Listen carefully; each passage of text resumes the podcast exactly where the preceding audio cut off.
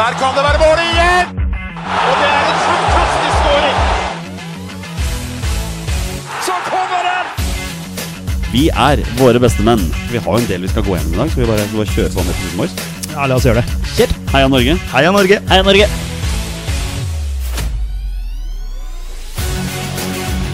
Takk, Ole Gunnar Solskjær!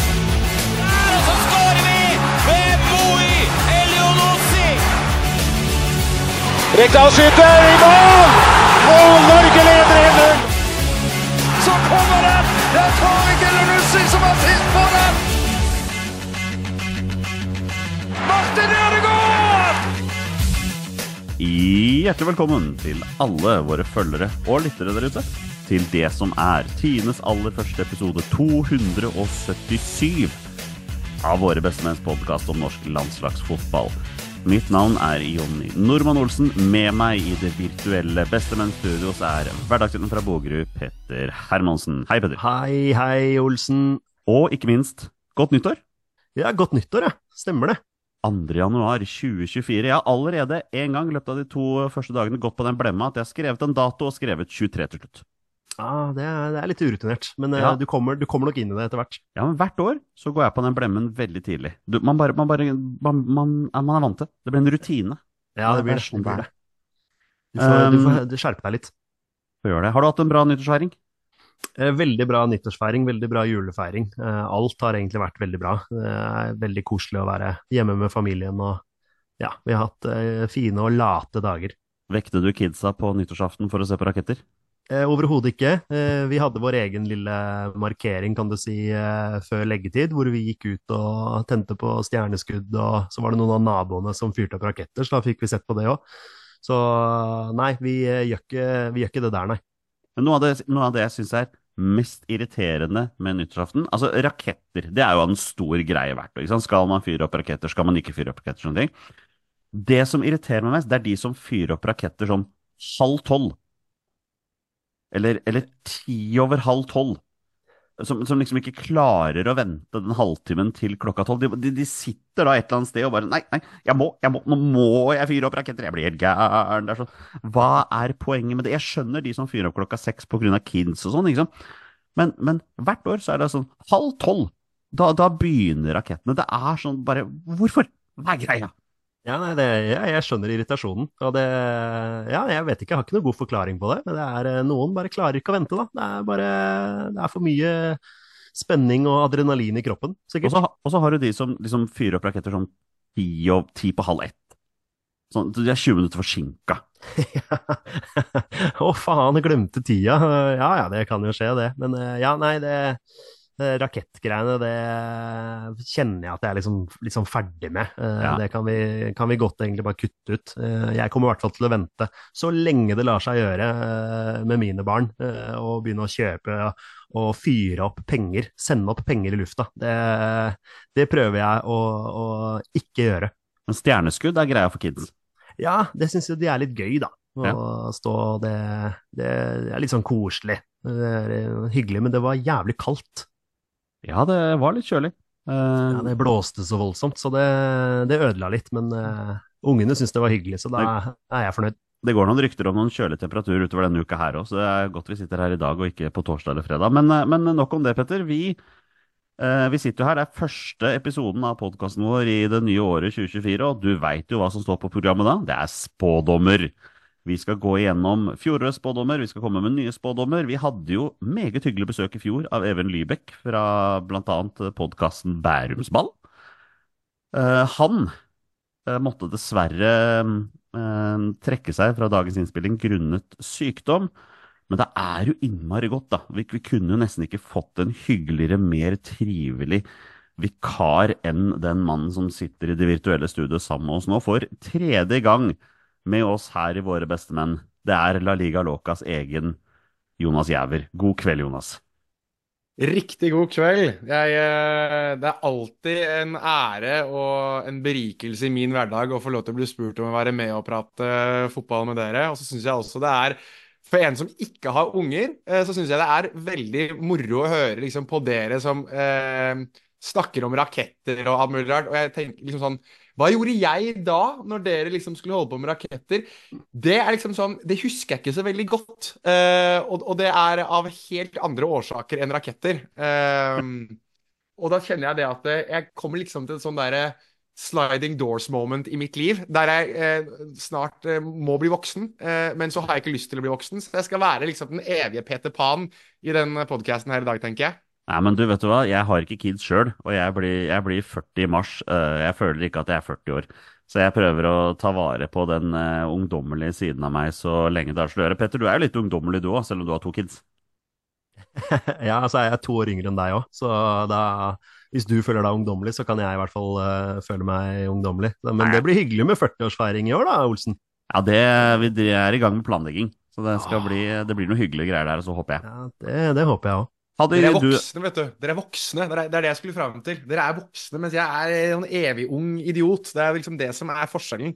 Dere er så eh, holdt på å si, moderate i, i det liksom Ja, vi begynner å bli eldre. Nei, dere er unge til sinns, men dere er fremdeles voksne. Mens jeg fremdeles er barnslig og idiotisk veldig ofte av tiden. Det var det som skulle du får, spørre oss, du får spørre oss om ti år når vi fortsatt holder på med våre Bestemenns podkast og norsk landslagsfotball, og Norge ennå ikke har kommet seg til mesterskap. Nei da, ja, de, skal, de, skal, jo ikke det. Men hadde du en fin jul og nyttår, Jonas? Ja, det hadde jeg. Uh, jula ble, ble, feiret med familie. Uh, jeg har en søster som bor ute i Årnes, så jeg var der ute og hadde en veldig hyggelig kveld der. Uh, hadde noen venner over for å se fotball. Det gikk jo mye engelsk fotball i, i jula. Og egentlig jobbet og holdt litt på med de tingene jeg holder på med, med podcasting, med Liga Loca, med appen FC Quiz som jeg eh, plotter på. Og eh, ja, egentlig hadde litt fritid, som ikke er så veldig ofte at jeg har. Så det var veldig deilig. Fritid er så deilig, det. Bare, undervurdert? Ja, det er ordentlig undervurdert. Det, det skal det absolutt uh, være. Peter, du veit vel ikke hva fritid er? Eh, Nja Ja, altså det er, det er, litt enklere nå. Barna begynner å bli litt større. Men uh, ja, nei, det, det, kommer vel en tid hvor de, uh, hvor de, ikke vil ha noe med foreldrene sine å gjøre lenger. Så da, jo, da får vi kanskje litt fritid. Ja, nei, men det, du er ikke der ennå? Ikke ennå, nei. Nei, den, den, den, den, tida den kommer. Men mine herrer, jeg tenker jeg har gleda meg til dette her i hele dag. Vi skal gå gjennom spådommer. Jeg er utrolig spent på hva slags spådommer dere to har for året 2024. Men før vi kommer så langt, vi må jo, Petter, eh, gå gjennom alle spådommene som vi hadde i fjor. Ja, vi må kanskje det. Det traff vel ikke, traff vel ikke kjempebra på det, men Nei, jeg tenker at uh, i og med at uh, Jonas, jeg regner med at du, du, har jo ikke hørt noen av våre spådommer fra i fjor.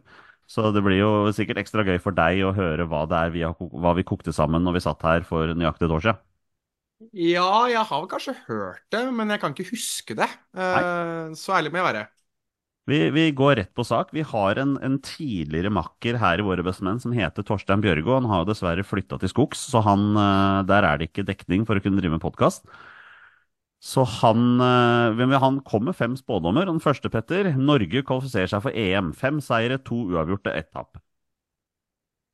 Ja, det var jo veldig konkret da, med tanke på eh, antall seire og tap osv. Så, videre. så vi, vi spådde vel alle at vi skulle komme til EM, gjorde vi ikke det? jeg tror faktisk det bare var han som hadde den konkrete spådommen, tror jeg.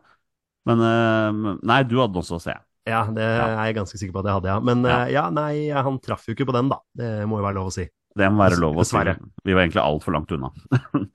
ja. Spådommen hans. Um, Jonas, hva syns du om Torsteins andre spådom? Kristoffer Ayer tar endelig opp hansken, blir en favoritt hos Ståle Solbakken og blir et fast midtstopperpar med Leo Skiri Østegård. Ja, det burde ha skjedd. Ja, det burde det. Ehm, jeg syns at det er en god spådom, sånn, men det er jo, det er jo et, et håpefullt, uh, en håpefull spådom, kan vi kanskje kalle det. Uh, men sånn isolert sett så syns jeg det er eh, egentlig noe som burde ha skjedd, og egentlig en av de som var mer realistiske, vil jeg vel egentlig si. Jeg vil si at det var mer realistisk det enn at vi skulle kvalifisere oss til EM, dessverre. Eh, men, men, her har man jo Altså, Kristoffer Ayer er jo litt sånn offer for det at han alltid er skadeplaga. Litt offer for at Ståle Solbakken eh, har et annet stoppepar som han foretrekker, og, og, spå, og også litt offer for det at han er veldig anvendelig. At han kan brukes i så mange ulike posisjoner som gjør at han er enkel å flytte unna fra den midtstopperplassen som han definitivt er best i. Så jeg syns spådommen egentlig er bra, jeg, ja, da. Men uh, heller uheldig at det ikke ble realitet. Den spådommen burde egentlig være for i år, altså for 2024. Det, og 2025 det... og 2026 og 2027. jo, jo, men jeg bare føler det er mer realistisk nå. Jeg, jeg, tror ikke Stefan Strandberg fortsetter å spille for norske landslaget nå som han skal spille i Obos. Men hvis, eh, men hvis, eh, du tar de to siste landskampene våre, så var det vel Shiri Østergaard og Ayer som spilte stopper i begge de to kampene. Så sånn sett så har jo Torstein truffet rimelig bra på den. Jeg syns jo også det er en bra spådom. Og han har jo ja, at Ayer da har plukket opp hansken og liksom tatt den plassen. Eh, så det kan jo tenkes at han har truffet ganske så bra på den. Han må i hvert fall spille litt bedre enn det han gjorde i de to landskampene nå. Det er en annen sak. Det er en annen sak. Eh, vi håper til Torsteins tredje. Den er jo fantastisk, Jonas. Den skal du få. Ola Brynildsen gjør kantplassen til sin det kommende året. ja, jo jo, med tanke på uh, det vi vet nå om eh, to herremenn med den Antonio Nussa og Oscar Bob, så har han vel aldri vært lenger unna, kanskje? Nei, det er, det er, noe med det at liksom Jeg sa i starten av året at altså, alle framtidige spisser altså up and coming spisser i Norge kan jo bare drite i å spille landslagsfotball de neste ti årene. Det kan du nesten si som kantspiller også. Vi har ja. egentlig De tre skal være bankers, altså. Ja, og egentlig hvis du tenker at man skal spille en 4-2-3-1, altså hvis vi skal ta det som utgangspunkt, så tierrollen er jo også tatt neste tiåret. Uh, så lenge Martin Ødegaard holder seg skadefri, så vil jeg vel tro at han spiller den rollen. Hva tenker du om Ola Brynesen, Petter? Nei, Jeg tenker at uh, det er vanskelig for han uh, nå, sånn som dere sier, med tanke på Nusa, ja, spesielt Nusa, da, hvis man tenker på at Brynildsen skal være en som skal skjære inn fra venstre. Uh, men eh, nei, vi er eh, Vi har god dekning, syns jeg, da, på, på kantplassene akkurat nå. Det er jo litt ja. sånn at eh, du så jo Dønnum sist også, tok jo veldig vare på muligheten da han eh, fikk sjansen. Eh, så har du Sarao i bakhånd der også, så det vi, vi har noen vi har noen, ja, ikke sant, Moi. Eh, vi har noen gode ja, tekniske kantspillere, så det, det, er jo ikke der vi, det er ikke der vi sliter. Selv om det er det vi har snakka mye om også, at det er der vi har slitt. Men så kommer plutselig bare Nusa og Bob liksom ut av, ut av ingenting. Man vet jo at man eh, man har jo fulgt litt med på U21 og sånn, men, eh, men, det var liksom sånn Plutselig tok de steget opp på A-landslaget og har liksom gjort de plassene til sine. Så det, det, er veldig gledelig. Jeg trodde virkelig ikke Oscar Bob skulle spille så mye for Man City som han har gjort, altså. Men det uh, virker virkelig å ha en stjerne hos Pep. Det er gøy. Det er veldig gøy. Vi tar den siste spådommen til torsdag nå. Erling Braut Haaland blir toppskårer i EM-kvaliken. Um, det kan jeg fortelle dere at det ble han ikke. Han fikk seks mål. Uh, den delte han med Bruno Fernandes. Jeg sier ikke Fernange, jeg sier Bruno Fernandes. Og Teki Amdoni fra Sveits. Um, Toppskårer i EM-kvaliken med 14 mål ble Romelu Lukaku. 14 mål, ja. ja, han møtte vel noe sånn Gibraltar eller sånt, gjorde han ikke det? Så jeg lurer ikke han hadde sånn typ 17 mål bare mot dem, nesten, holdt jeg på å si. det, det, kan, det kan absolutt, absolutt, hende, men det er også bare morsomt å se, liksom. På syv mål der, Scott McTominay. Ja, ikke sant? Ja. Mm. så, han, så han, fikk, han, fikk, flere enn Braut, ja? Ja, det gjorde han faktisk. Ja, faktisk. så Braut var ikke toppskårer i egen gruppe engang, basically? Nei, faktisk ikke. Topp, Toppskåreren i gruppa vår var Scott McTominay. Ja, ikke sant. Ja, det er sjukt. Det hadde gitt odds på forhånd, det. Ja, det er litt bra odds. Vi tar Even eh, Lybekk sine spådommer òg, selv om han ikke er her, dessverre. Håper du hører på, Even. Uh, første er jo veldig gøy. Uh, Haaland kjeder seg til sesongslutt. Det har gått dårlig med City Premier League, og Norge har gjort det så dårlig i kvaliken at han bestemmer seg for å spille U21-EM. Det, det gjorde, han jo ikke. City vant jo er, det er, humor. Det er humor. Ja, City vant jo også uh, Premier League, så det gikk jo ikke så dårlig. Nei, jeg synes den spådommen der egentlig er ganske bra. Uh, ja. Fordi jeg tenkte litt på det der uh, i en periode selv, at det hadde vært litt sånn brautsk å si at Nei, jeg, vil spille det òg, jeg. Fordi at jeg har lyst til å være med på, det, på, et mesterskap med Norge. Han har jo vært det en gang tidligere, åpenbart, i U20-VM, og vi husker hvor enorm han var da, med disse ni målene mot Honduras og sånn. Ja. Eh, så jeg, jeg syns ikke det var en dårlig spådom, for jeg, den tanken slo meg et par ganger òg, at det ville vært veldig typisk Haaland å gjøre, egentlig. Uh, Spørsmålet om han hadde fått tro- lov, da. Ja, jeg tror han kan det, skjønner du. Jeg tror at du Ja. kan ha to eller tre sånne overage-spillere. Så ja, han, tenker mer på eh, om Pep hadde gitt han lov, da. Ja, det er nå et poeng. Eh, men når du vinner alt som han gjorde, så er det liksom sånn, da, da kan du kanskje unne deg en ferie. Så det er kanskje det som stoppet han, da. Det er nok det. Uh, Petter Evens andre spådom. Seks debutanter på A-landslaget i 2023. Skjeldrup, Mannsverk, Selvik, Hedenstad, Nusa og Konradsen Seid. Han traff på to av dem. Han traff på Nusa og utrolig nok Egil Selvik. Jeg syns det der var, var bra, jeg. Faktisk eh, to av seks, sa du. Jeg syns ikke det er så gærent. Og de andre navnene han hadde der også, er jo ikke, er jo ikke dårlige navn, sånn sett. Nei, Schjelderup er jo en som vi venter på. Mannsverk har vel ikke fått det til å svinge helt i Ajax ennå. Uh, Mats Henstad Christiansen har jo dessverre ikke blitt den stjernen som vi håpa han skulle bli. Og Konradsen Seid er vel, uh, hvis jeg er snill, inn og ut av laget nede i Italia. Ja, og han er jo en Det, det er klart at han var jo en spiller som man snakka om med tanke på den kantproblematikken som vi har hatt, ikke sant. Så, men så kom det disse her to åpenbaringene på hver sin kant, så, så han er nok langt bak i køen nå. Hva tenker du om den neste her, Jonas? Kristoffer Claesson og Erik Botheim debuterer ikke på A-landslaget i 2023, eller med det første. Uh, den uh, er vel riktig, er den ikke det? Ja, jo, ganske, ganske spot on, den, altså. Jo, den er veldig spot on. Jeg bare tenkte Claesson var jo tatt ut i en tropp, uh, husker jeg. Men det begynner vel å bli ganske lenge siden nå. Men jeg har Botheim også. Ja, Botheim var også i en tropp som skulle være sånn understudy til Haaland, ja. Stemmer det. Eh, nei, altså, nei, det er jo klink eh, perfekt spådom, det. Eh, jeg kan ikke se for meg at de to Nå hadde vel Claesson spilte vel for Leeds nå nylig, og, og Botheim Jeg føler jeg leser mer om denne rettssaken hans mot Krasnodar enn noe annet. ja, Eh, faktisk. så han har vel Han tjener sikkert sine penger, han i Italia, og muligens noen flere penger fra Russland, så han lider ikke noen nød der, kring så stor store sønn. Hva var greia, Petter, med at Claesson plutselig var i mål til Leeds? Ja, hva var greia? Eh, Melier er suspendert, og Darlov eh, hadde en eh, ødelagt tommel som han eh, sto i mål med i forrige kamp. Da hadde han proppa seg full med medikamenter for å klare seg gjennom kampen, men klarte seg nå tydeligvis ikke. Så da fikk Claesson beskjeden om at han skulle spille, og da ja, holdt jo nullen og hadde et par eh, fine inngripener der. Og ja, fikk mye skryt fra fansen, så det De likte veldig godt eh, avleveringa hans med, med beina, blant annet. da. At han var god til å sette i gang spillet og sånne ting. Så det, han er jo en sånn offensiv keepertype. Så det hadde vært jævlig kult hvis han bare tok, eh, tok plassen nå. Hadde latt håret gro også, jeg. Hadde begynt å få litt lengde på det. Ja, og så bleika det. Han og, han og Bamford eh, kjører litt sånn Slim Shady-stil der. Eh, Så ja, det, det, får andre, det får en annen podkast ta seg av, kanskje. Ja, det er ikke vår podkast. Vi, vi bedømmer ikke hårsveiser her, som eh, jeg også ser på kameraet vårt. Det er ikke, det er ikke mye lengde på hår på oss tre som sitter her heller. Nei, det er ikke det. Nå skal det Det er sies, det. Petter, at jeg har jo tatt håret mitt, da. Ja, deilig. Det, det ser ordentlig deilig ut. Ja, det var uvant. Ja, ja, men det det er snart sommer. Eh, Evens neste spådom, spådom det blir utsolgt i alle kampene på Ullevål. Det er, ikke det langt unna i så, det er ikke langt unna i så fall. Oman var det kanskje ikke utsolgt mot. Nei, Jordan. Var det Jordan, kanskje? Ja, ja Jordan og Færøyene var ikke utsolgte, det. det er jeg sikker på. Men hvis du har kvalikkampene, så var vel alle kvalikkampene utsolgt, ja.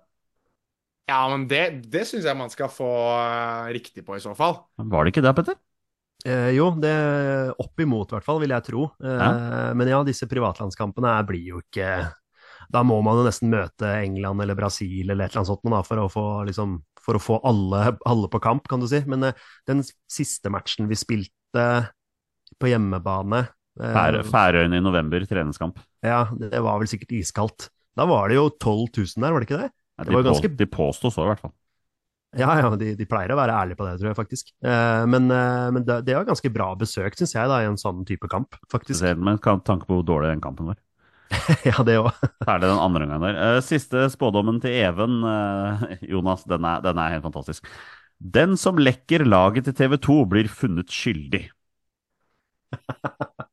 Oi Det var ingen som ble avslørt, men eh, Nei, det er jo ingen som ble avslørt, men jeg føler liksom at de klarer å avsløre seg selv litt innimellom, jeg, da.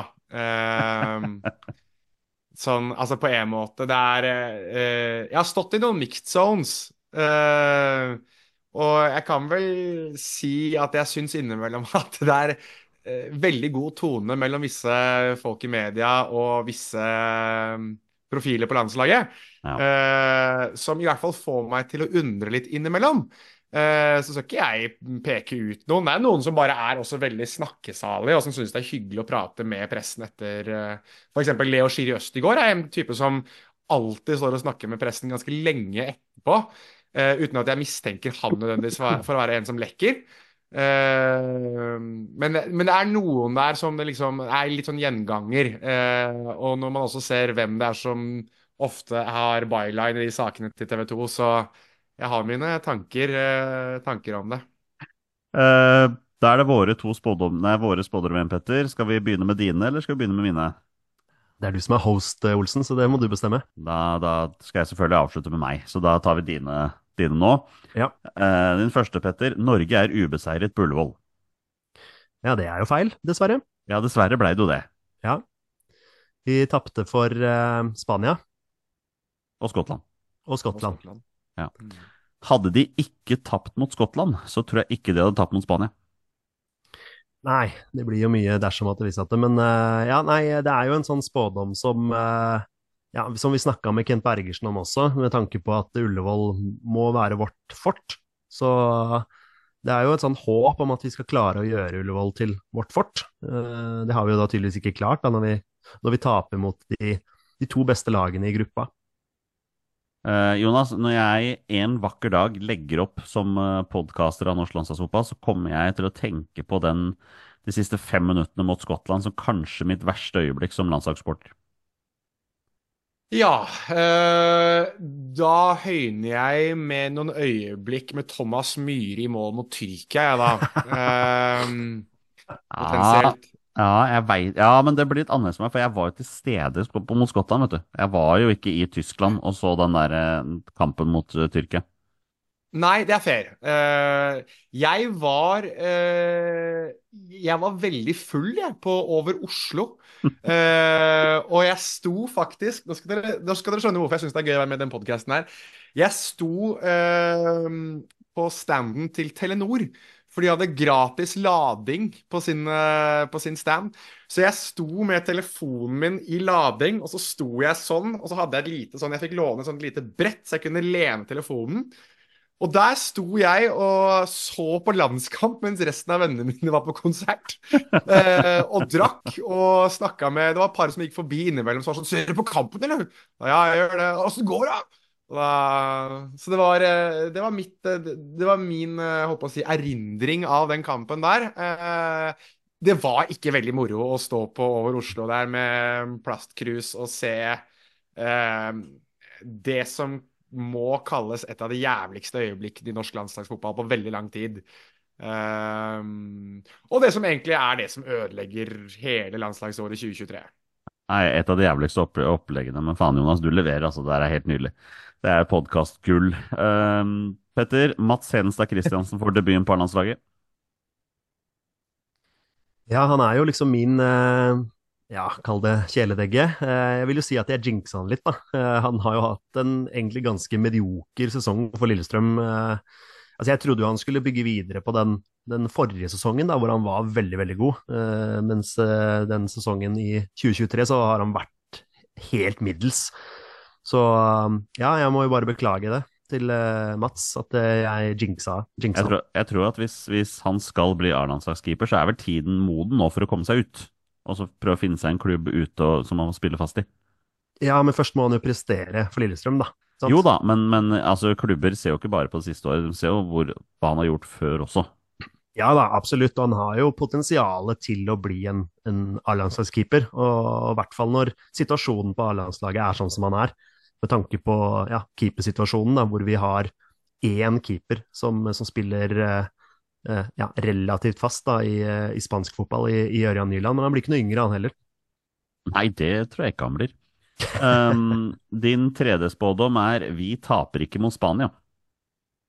Eh, jo, vi tapte to ganger, så det, det, var, det, det, var, det, var, det var feil. Det var feil spådom. Det var ambisiøst. Ja, hadde, hadde, hadde trua, da. ja, du hadde kom med den i starten av januar, bare to måneder før vi skulle møte dem. Ja. Det er, eh, ja, nei, hva skal man si? Det er jo, eh, det er jo helbom. Ja, det er lov, det er lov å si det. Um, din, din fjerde, Erling Braut Haaland, når 30 mål i løpet av 2023. Han står på 27. Ja, det var, det var nære. Uh, han uh, ja, hadde jo forfall i noen kamper der. Så uh, ja, han burde jo faktisk klart eh, 30. Så det skuffa over Braut der. Hva tenker du, Jonas? Er, det, er Braut en gedigen flopp som ikke nådde 30 mål i løpet av 2023?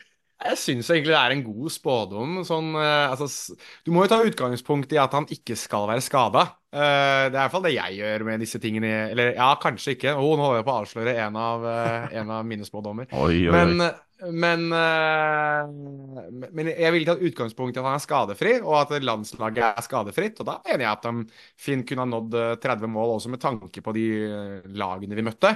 Ehm, og at det var mye hjemmekamper osv. Han er jo han er vel best i, eh, i Norge, Brauten. Så for landslaget. Ehm, så jeg syns egentlig det var en god spådom, jeg, da. Men eh, jeg, synes, jeg må heller si at jeg syns den spådommen, den Spania-spådommen eh, humrer jeg jo litt av, da, som en som har fulgt eh, spansk landslagsfotball ganske tett nå også en del år. At eh, vi taper ikke mot Spania som i det hele tatt. Da var jeg liksom litt sånn Ja!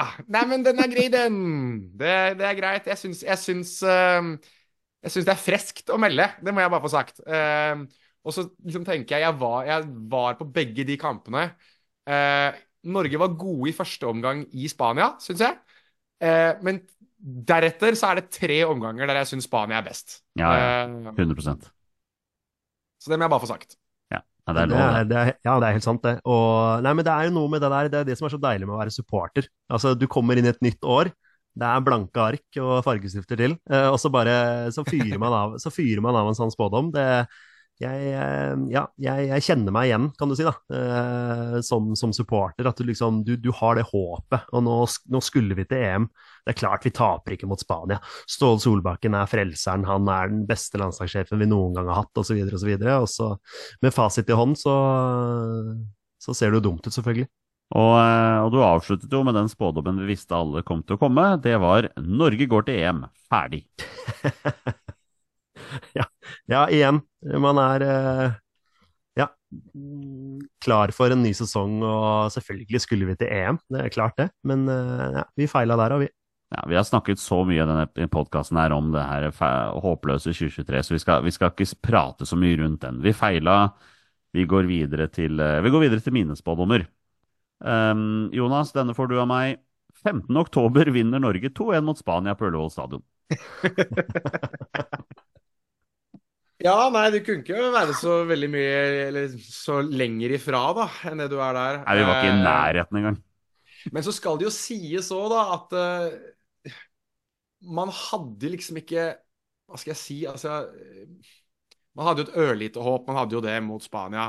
Men det håpet var så lite til å begynne med at jeg syns liksom forutsetningene som man da satt med, gjorde at når man gikk inn i den kampen Altså, jeg følte meg veldig sikker på at dette tar Spania. Eh, jeg veit ikke om jeg ville vært det i januar, men, men sånn, når vi vet litt utviklingen av det landslagsåret, så syns jeg ikke at det liksom er Det er ikke helt nakent, men du begynner å ta av deg et plagg eller to. Det gjør du. Eh, så det, men du, du, du er ikke i uh, blankemessingen på den, syns jeg. Nei, jeg gjentar det jeg sa i stad. Hadde vi holdt den 1-0-seieren mot Skottland, så tror jeg vi hadde slått Spania. For da hadde den kampen betydd en, enda mer, faktisk. Nei, ikke utenkelig. Nei, kanskje. Eh, jeg gjentok egentlig bare det som ble sagt litt tidligere. Når min andre spådom var Leo Schiri Østegård og Kristoffer Ayer blir det mest brukte midtstopperparet i 2023. Det blei de jo ikke. Nei, blei jo ikke det. Eh, Petter, denne her er jeg veldig fornøyd med. Jeg hadde faktisk spådommen Moi Elionossi skårer sitt tiende landslagsmål i løpet av 2023. Moi mister da plassen sin i troppen i løpet av 2023, er med igjen på slutten, og når det gjenstår tre minutter av den siste landskampen i 2023 borte mot Skottland, da dukker han opp på bakre stolpe og header inn 3-3. Og sitt tiende landslagsmål i 2023. Ja, men det, den traff du jo eh, blink på. Det er jo en eh, Det er jo ikke en ballsy spådom, det er det jo ikke. Eh, Men, men igjen, da, med fasit i hånd, så er den jo litt sånn Oi, han forsvant ut, han, ja. Og så, så gjorde han comeback, kan du si. Og så tok han vare på muligheten. Så ja, i utgangspunktet så var jo ikke han en spiller som vi trodde skulle forsvinne ut av nesten av landslagsdiskusjonen. Men eh, ja, han var ute en liten periode der. Men eh, nei da, du skal få for at du traff på han, da. Ja da, eh, for så vidt ikke ballsy, men som du sier, med fasit i hånd hvordan året var for Moey, så er jeg fornøyd med at han klarte å, å stusse inn den på slutten der. Og at vi sørget for at Skottland ikke vant den siste kampen. Det var også Ja, litt, vi måtte være litt sånn Litt partypoopers. Lite Ja. grann. Jonas, hva syns du om min fjerde spådom? Ørjan Nyland står i mål i alle Norges ti kvalikkamper i 2023.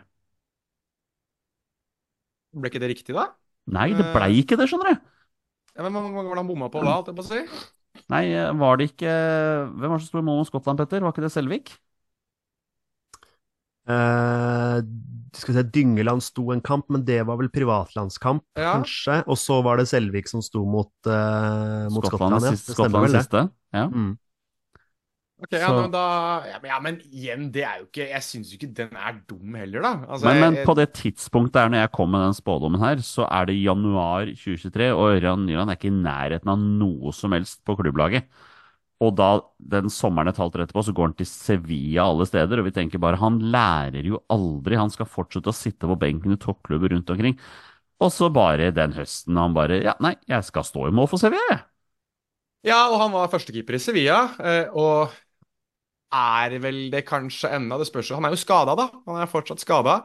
Eh, og de har bytta trener mens han har vært skada, så man veit jo ikke om det betyr at eh, den nye treneren heller vil gå for den keeperen som har stått for han fram til nå. Uh, Kike Sanchez Flores, som er hans nye trener, er liksom ikke kjent for å rullere så fryktelig mye på keepere, egentlig. Eh, har gjort det i noen klubber, men det har gjerne vært en cupkeeper og en ligakeeper i så fall. Eh, men, men altså med tanke på at du hadde den spådommen i januar, og at Ørjan Nyland da var eh, hauglangt unna eh, alt som heter Andalusia og tapas og sangria, så mener jeg at det er eh, Jeg syns det er bra, jeg. Altså, jeg kan ikke, kan ikke hate på det, for å si det sånn. Nei, men det var også et lite stikk fra meg, fordi vi på det tidspunktet hadde jo ikke noen reelle utfordrere heller. Altså, det var Ørjan Nyland, det var ingen som var i nærheten, liksom. Så det var, det var litt det. Jeg ser for øret på tabellen at vi har ikke gjort det kjempebra i år. Nei, tre poeng unna nedrykk. Nei, de, eh, de er jo eh, nå på sin tredje eh, trener denne sesongen. Eh, Ok, og de har nå, når de spiller vel i morgen Eller er det, er det i morgen, eller er det på torsdag? Jeg husker ikke. Da er det halvspilt i La Liga. Så det er tre trenere for halvspilt, ja. Ja, det høres veldig eh, brukervennlig ut, holdt jeg på å si. Altså veldig, veldig god fotballklubb å drive på den måten der. Veldig Spania. Eh, Jeg sa det.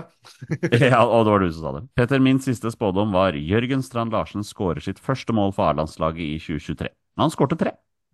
Ja, det er, eh, den traff du jo bra på. Var den også litt sånn litt for enkel, kanskje?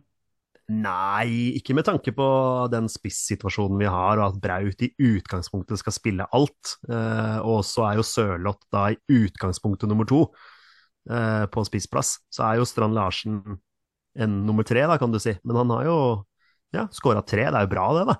Ja. Jeg, absolutt. Det ene målet mot Skottland var vel litt sånn tilfeldig, mener jeg husker. Ja, men møtte på første stolpe der og Ja, det, eller bare et eller annet. Ja, ja, det var noe sånn snacks over det. ja, ja, De skal skåres, de òg, vet du. Ja, de, de må det. Men eh, da er vi ferdig med fjorårets spådommer. Nå skal vi endelig fram til det som er morsomt. Vi skal komme med våre spådommer for landslagsåret 2024. Det er jo et litt interessant landslagsår med tanke på at det er ikke noe VM-kvalik, det er ikke noe EM-kvalik. Det er masse privatlandskamper eh, første halvdel, og så er det Nations League til høsten. Men eh, det betyr jo ikke at vi ikke kan komme på noen kule spådommer. Og Jonas Giæver, du skal få æren av å begynne dette ballet med din første spådom. Ja, jeg eh, satt jo og drodla litt på dette her i stad. Eh, så jeg kan jo ta den som står øverst her, da. Eh, og du, du nevnte han jo litt innledningsvis, så jeg syns jo det var litt moro at eh, han er en del av min spådom, og det er jo Stefan Strandberg. Eh, og eh, min spådom er da Stefan Strandberg kommer til å spille for det norske landslaget, selv om han spiller Obos for Vålerenga. Jeg sender den til deg, Petter. Kommentar? Nei, jeg kan jo si såpass at jeg har en spådom om Stefan Strandberg, jeg også. Ok, men vi, vi venter litt med din. Skal vi vente litt med den? Ja, men da vil jeg ikke kommentere. Nei, ok. Eh, Da kommenterer jeg og sier Jonas, jeg håper så inderlig du tar feil. Eh, ja, men min tanke her er litt at Stefan Strandberg er litt sånn eh, Hva skal jeg si for noe? Litt sånn eh, cheerleader, peptalker. eh, den vise stemme i en garderobe. Skal være litt den som hjelper unggutta opp og fram. Jeg tror det egentlig er hans rolle. Eh, problemet er bare at det har blitt kombinert med at han spiller fotball også for det landslaget. Eh, og jeg har sagt hele veien om Stefan Strandberg Hvis man er bare ærlig om at han er tatt ut i disse, disse troppene for å være den stemmen, og for å være en som på en måte er en lederskikkelse i en garderobe, så hyller jeg det uttaket hver eneste gang. For at da, det, det kan godt være at man trenger litt moralsk backing. Eh, Spania hadde det f.eks. i Pepe Reina i lang tid, selv om han var dritlangt unna både Victor Valdez og Iker Casillas. Eh, problemet er bare at Stefan Strandberg har spilt hver gang han blir tatt ut. Eh, så jeg tror at han fortsatt blir tatt ut. Eh, og jeg tror at på en eller annen merkelig måte så kommer han også til å spille.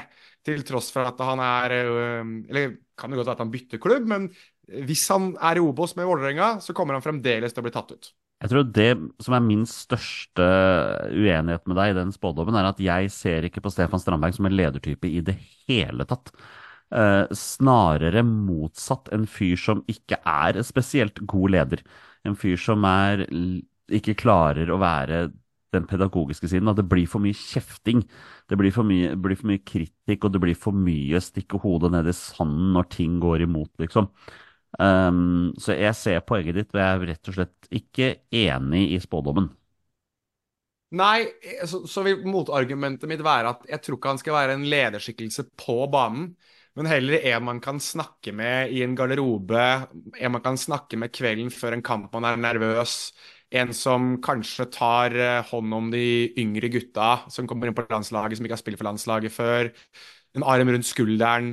Eh, Vi må huske at Stefan Strandberg har gått gjennom ganske mange utfordringer i livet sitt. Altså, han har hatt veldig mange kamper han har måttet ta borte fra banen, som vi vet. Altså med broren hans, med eh, altså ting som har skjedd på privaten, ting som han sikkert ikke har snakket om også, som han har hintet om i ulike intervjuer osv.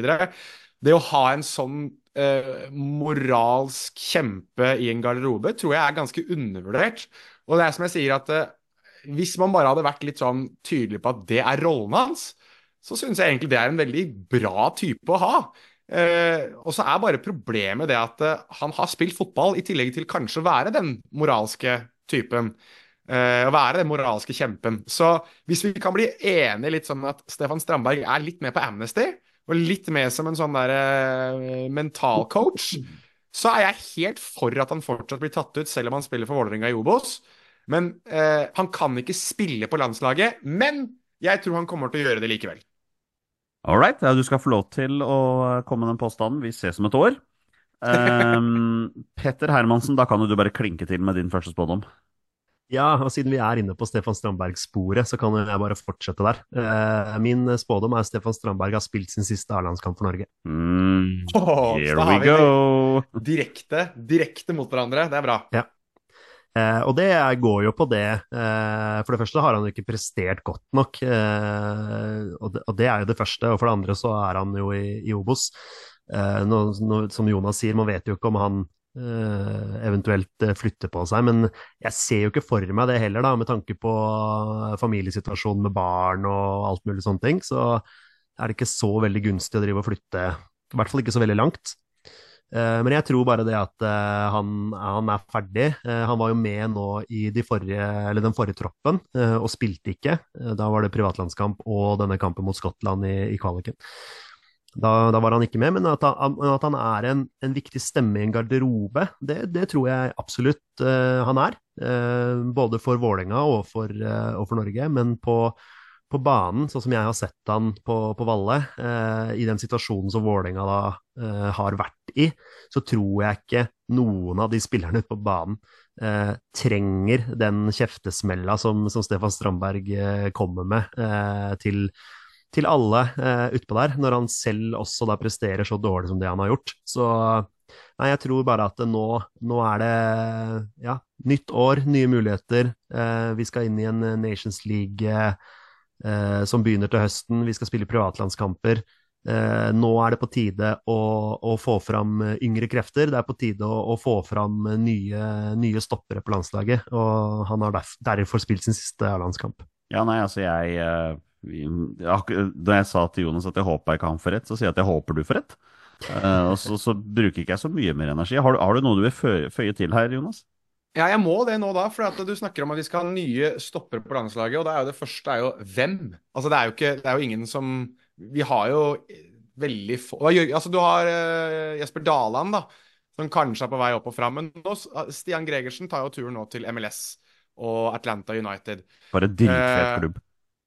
Kjempeklubb, og ah, egentlig en ganske kul, eh, kul, enormt kul stadion òg. Uh, og det er jo, men det betyr jo det at han eh, er jo ute av landslaget, han òg. Ja. Fordi uh, altså Glesvik hadde jo vært på det landslaget her hvis han hadde spilt på denne siden av Atlanteren. For han har jo vært amazing i uh, MLS for Philadelphia Union. Så jeg er jo litt sånn Altså, da, da, mister du to stoppere, da, som har vært med i ganske mange tropper i, eh, i Gregersen og, og, Strandberg. Og jeg tror ikke at uh, omveltninga blir så stor så, så fort. Så derfor, derfor, tror jeg nesten enda mer jeg, på at Stefan Strandberg blir værende, i hvert fall i troppene. Uh, så for å snakke Men jeg, jeg, har sagt, jeg, har ikke sagt, noen ting om troppen. Jeg har bare sagt at han har spilt sin siste A-landskamp. Oh, ja, men du tror han er med Du kanskje Nei, er med det, det vet jeg ikke. Det vet jeg ingenting om. Ah, okay, okay, men, okay. Det kan, men, Det kan, godt hende at han blir tatt med som en sånn som du sier da, som en slags sånn rådgiver eller noe sånt. Noe. Det er jo sånn Når du tar ut en tropp på ja, 23-24 mann, eller hva man tar ut, så vet man jo det at alle de 23-24 spiller jo ikke. Sånn, sånn, vil det jo alltid være.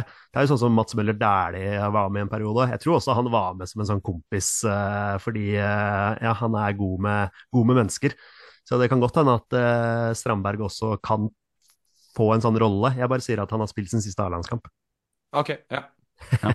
Dere skal se at uh, Jostein Gundersen kommer til å herje for uh, Bodø-Glimt gjennom sesongen 2024 og bli landslags, uh, landslagsspiller. Jeg vet ikke om dere har fått på dere, det var litt diskusjon på Twitter i dag. Vi kommer tilbake til det etterpå.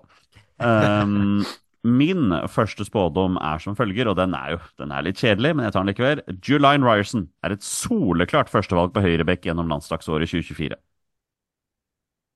Ja. Jeg er ikke, jeg har ikke imot den.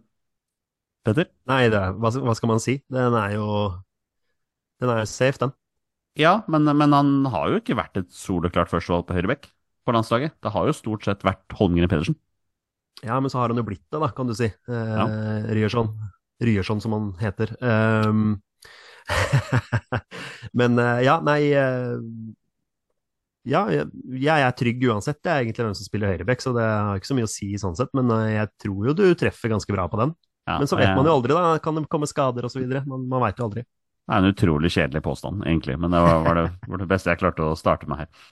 Um, Jonas Giæver, din andre ja. påstand. Spådom. Eh, Spådom, ja. Unnskyld. Ja, den er, jo, den er, jo, Hvis jeg skal inn på en litt kjedelig òg, så, så, går jeg Erling Braut Haaland blir tidenes toppskårer for det norske landslaget. Da må han skåre syv.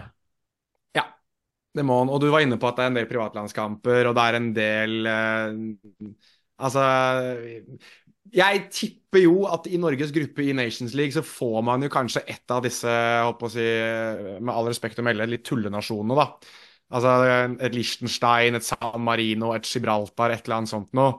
Uh, og der er det jo garantert i hvert fall ett hat trick, liksom. Uh, burde være, i hvert fall. Så, og da er du plutselig oppe på 30 bare der. Uh, og så skal han ha fire til foruten det, kanskje. jeg tror at han blir Norges om, om, ikke han tar tronen alene på 34, så kommer han i hvert fall til å tangere det på 33. Så han skårer minimum seks eh, landslagsmål i 2024. Jeg, har- altså jeg har en spådom som kommer seinere, som er knytta til Nations League. Jeg tror du kan bli litt overraska over hvor potensielt tøff den gruppa vår kan bli, altså. Så vi skal, vi skal gå litt inn på kvaliteten på landslaget senere. Men Petter, vi er vel ikke uenige med han i at Erling Braut Haaland blir tidenes toppskårer for norsk landslag i 2024? Nei, jeg kan jo røpe såpass at jeg har den samme påstanden, men jeg har heldigvis, eller samme på- spådommen, men jeg har heldigvis noen backup her, så da kan jeg ta en annen. Men eh, ja, jeg tror, jeg tror også det. Um, ja, det er bare, det er jo bare et par hat trick, det, så er han jo der. Ja, så det er faktisk. liksom, og, og det er en, men det er han jo kapabel til å gjøre òg, ikke sant? Så nesten uansett uh, motstander. Men det er klart han, uh, han kommer til å ta den i 2024, og det tror jeg han er. Jeg tror han er jævlig motivert for å få det til også. Vi innkasserer den, eh, den eh, spådommen din, eh, Jonas, ganske kjapt ved å si at that's not a prediction, that's a spoiler. Oi! Ja. Mm. Paul- Heyman-referanse, det er bra. Ja, det er ingen her som følger den podkasten her som vet hvem Paul Heyman er. Så jeg tror det bare er du og meg, egentlig. Ja, men det går fint. Eh, Petter Erlandsen, spådom nummer to. Ja, eh, skal vi se her, da. Ehm, hvilken skal jeg ta, da? Eh, nå må jeg jo droppe den med Braut. Eh, det var litt kjedelig å ta samme som Jonas, så da tar vi eh, den neste her. Eh, og det, den, er jo, den er nok litt eh, farget av eh, både at jeg er Leeds-supporter, og at jeg ble sinnssykt glad over at Kristoffer Claesson eh, spilte for Leeds i går mot eh, Birmingham. Eh, 3-0-seier, som også for øvrig gjorde at Wayne Rooney fikk sparken som Birmingham-manager, så det syns jeg var ekstra gøy. Eh, men Kristoffer Claesson eh, tar, tar virkelig vare på muligheten sin i Leeds. Eh, Ståle Solbakken eh, blir forelska og tar han ut på A-landslaget i løpet av 2024. Der kom han, ja. Der kom han. Jeg regna med at han kom. kom. Ja, altså med fare for å jinxe Claesson her, da. Så sorry for det, Kristoffer. Men eh, jeg gjorde jo det med Hedestad Christiansen. Jeg tar på meg skylda der, eh, Mats. Men eh, ja, nei. Det er en det er jo en drøm, det. Vi har jo snakka om både Claesson og Hedenstad Christiansen i ja, x antall episoder. Og drømmen er jo at noen av våre unge keepere spiller fast for en ja, en stor klubb, da. Eh, Leeds kjemper i toppen av championship og, og har som mål å komme seg opp igjen til Premier League, i hvert fall i løpet av neste sesong. Eh, Så, så om, om han nå om Leeds nå plutselig hadde sett at ok, her har vi en ung, god keeper som faktisk tar vare på muligheten her. Eh, Vi får et bud på Melier, selger han. Eh, Darlov eh, er en flopp. Eh, Og så bestemmer man seg for å gå for Claesson, og så bare er han dritgod. Det er jo, det er jo en drøm, og så håper jeg jo at for Norges del også, at vi, at vi får en keeper som, som står fast for en, ja, en stor klubb i utlandet. da. Det er en drøm vi alle deler. Vi vil gjerne ha den ene skikkelig gode keeperen. Liten tvil om det. Um, ja, tør jeg å si noe, Jonas? Du er vel sikkert enig? Nei, jeg er enig. Eh, Jeg syns jo spådommen her er eh, Jeg syns jo den er optimistisk, da, men så tenker jeg liksom at eh, Har vi så jævlig mange keepere? Altså, det er liksom det, Vi har ikke det heller, ikke sant? Så det, jeg, jeg kan fint se for meg at han dukker opp i en tropp. Da tar jeg min neste spådom, for den er litt kobla til din spådom, Petter. Eh, og det er jo på repeat da, fra 2023, når jeg sier Ørjan Nyland står i mål i alle Norges seks Nations League-kamper til høsten. Alle seks Nations League-kamper til høsten, ja. ja fordi Yes. da spiller vi seks kamper til høsten, og så resten i 2025, er det sånn? Uh, nei, det er bare seks Nations League-kamper ja, oh, ja, Ok, ok, ok, ok. ok. Nei, jeg, Um. ok, jeg trodde det var Ja, ok, jeg skjønner. Ok. Um, ja, ok. Uh, nei, jeg, jeg håper jo du bommer, da. Du gjør det? Ja, i og med at eh, Claesson skal inn på dette laget her, så Ja, men det kommer noen privatlandskamper nå før EM, vet du. Ja, det er sant, det. Det er sant, det. Ja, nei ehm, Nei, jeg, jeg, jeg håper du bommer. Jeg tenker du, Jonas, er eh, Ørjan Nyland førstekeeper i Sevilla til høsten? Uh. Spørs hvem som er trener, da. De bytter vel sikkert fire ganger før den, den tid. Uh, De henter sikkert tilbake en av trenerne de har sparka, bare for å Ja, sparke han to ganger i løpet av et år. Det er ikke uvanlig det heller, skjønner du. Vi har faktisk opplevd via Real bl.a. gjorde det hvor de henta samme trener 45 dager etter at de sparka han. Eh, da hadde de hatt en trener imellom òg. Det er vrien, altså. Eh, med tanke på skadesituasjonen hans og litt sånn ulike ting. Eh, altså, jeg vil, jo, jeg vil jo tro at Ørjan Nyland er den beste keeperen vi har. Altså, han er jo sånn kvalitetsmessig, så er han jo det. Eh, nei, den syns jeg var litt vrien, faktisk. Okay. Uh, men ikke, men jeg, jeg syns liksom ikke at det er Det er ikke uholdbart å tenke at det skal være det som skjer. Men har det liksom noen gang skjedd at han har stått alle, fordi at det kommer liksom inn en skade, eller han spiller plutselig ingenting, så det er en andre keeper på landslaget? Uh, så liksom, det avhenger så fryktelig mye av situasjonen til Ørjan Nyland mer enn noe annet, da. Ja, Eh, så Nei, jeg, jeg syns- den syns jeg var overraskende vanskelig. Men jeg, eh, jeg får gå for at det stemmer, jeg, da. Ja, vi satser på det. Um, Hva med din tredje spådom for kvelden, Jonas? Ja, nei, altså eh, Nå ble jeg litt sånn usikker på åssen det her Nations League-greiene kommer til å fungere. Men det jeg skrev, i hvert fall Vi kommer til å starte med prosentregning med tanke på avansement i Nations League før året er omme. 100% 100 Uh, Det har jo innvirkning på, på VM, har det ikke det? Jo da, det har det. Olsen, Olsen, du er jo Nations League-ekspert, er du ikke det? Uh, Nations League interessert, i hvert fall. Um, jeg mener at jeg har det oppe her. Jeg mener at det har en eller annen form for innvirkning, ja. Jeg er ganske sikker på det. Uh, jeg tror det, jeg òg. men det er jo et annerledes oppsett i Nations League i år. Um, tidligere årene så har det jo vært at gruppevinnerne har rykket opp, og de i sisteplassen har rykka ned. Uh, men sånn er det jo ikke i år. Uh, I år så er det nemlig sånn at gruppevinnerne rykker direkte opp. Nummer to spiller opprykksplayoff mot nummer tre i, en, nummer tre i divisjonen over. Ja. Uh, så, det er, så plutselig har det vært litt mer Det blir faktisk litt mer spennende, Nations League til høsten. Så det blir gøy. Men, men jeg, jeg, så fort jeg ser noen komme med noe prosentregning, så skal jeg screenshotte den og sende til deg, Jonas. Så, Ja, det er jo bare å gjøre- gjøre klar i august eller noe sånt. jeg. Den kommer vel sikkert kjapt, det. That's not a prediction, that's a spoiler. Um, jeg skal sende deg klippet, Petter, så du skjønner hva vi snakker om. Um, men hva med din tredje spådom, Petter Hermansen? Ja, nei, vi kan holde oss i, i Nations League, da. Ja. Uh, så jeg kan eh, følge det sporet der. Uh, vi blir trukket mot England i Nations League. Oi! Ja, det kan jo skje, siden England har rykket ned til divisjon B. Stemmer. Stemmer, jeg har faktisk satt meg inn i det.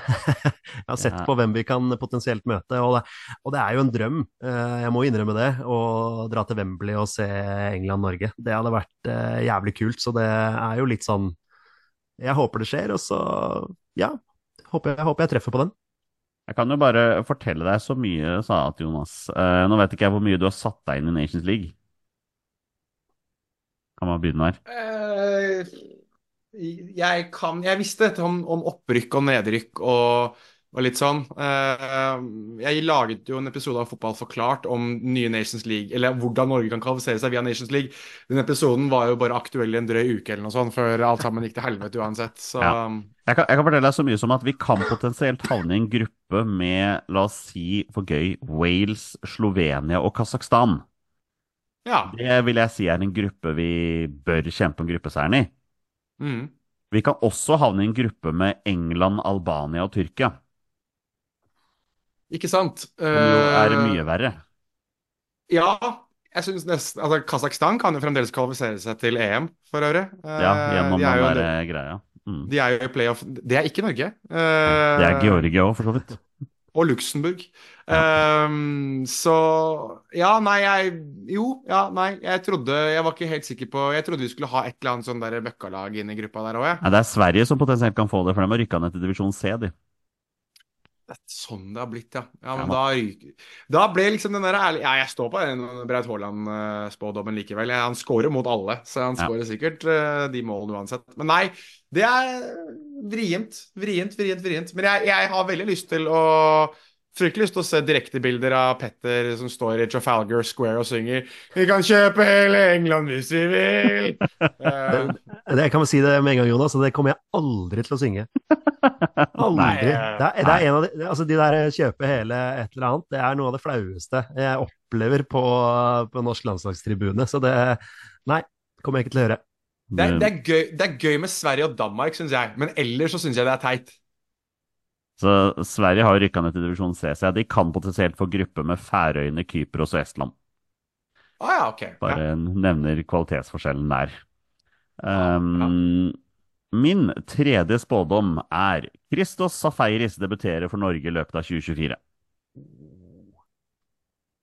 Eh, han debuterer i hvert fall på et landslag. Ja, men han har Å! Å! Ja, ja, ja, ja, den er fin, den er fin. Hva er det du prøver å fortelle oss her, Jonas Jæver? Nei, nei, altså Han har vel Jeg lurer på ikke om han er spilleberettiget for tre landslag. jeg. Han er i hvert fall spilleberettiget for to. Eh, jeg tror ikke at han velger det tredje, som jeg tror er Kypros. Men eh, han, er jo, han er jo greker også, så han, eh, det er ikke sånn det, han, det er ikke overøst av fantastiske greske fotballspillere disse dager. Uh, jeg, jeg er kjempefan av Christos Safaris, det må jeg bare få sagt. Altså, det er noe ekstremt unorskt over den der pace uh, og power han har, altså.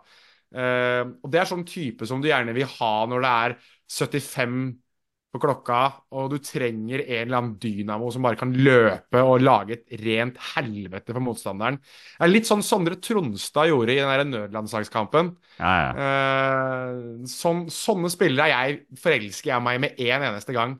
Så jeg, den håper jeg er riktig. Og jeg håper han debuterer for det norske landslaget, ja. Ja, Christos Safairus blir da 21 år i, um, i februar. Det føles som du har hørt om han en årrekke. Uh, så det er litt gøy å se liksom at i hans seniorkarriere på klubblag så står han per dags dato med 26 kamper for Slavia Praha, 29 kamper for Haugesund og 47 kamper for Grorud. Det er, det er seniorkarrieren til Kristoffer Zafaris. Uh, Petter, Kristoffer Zafaris A-landslaget 2024, yay or nay? Uh, yay. Ja.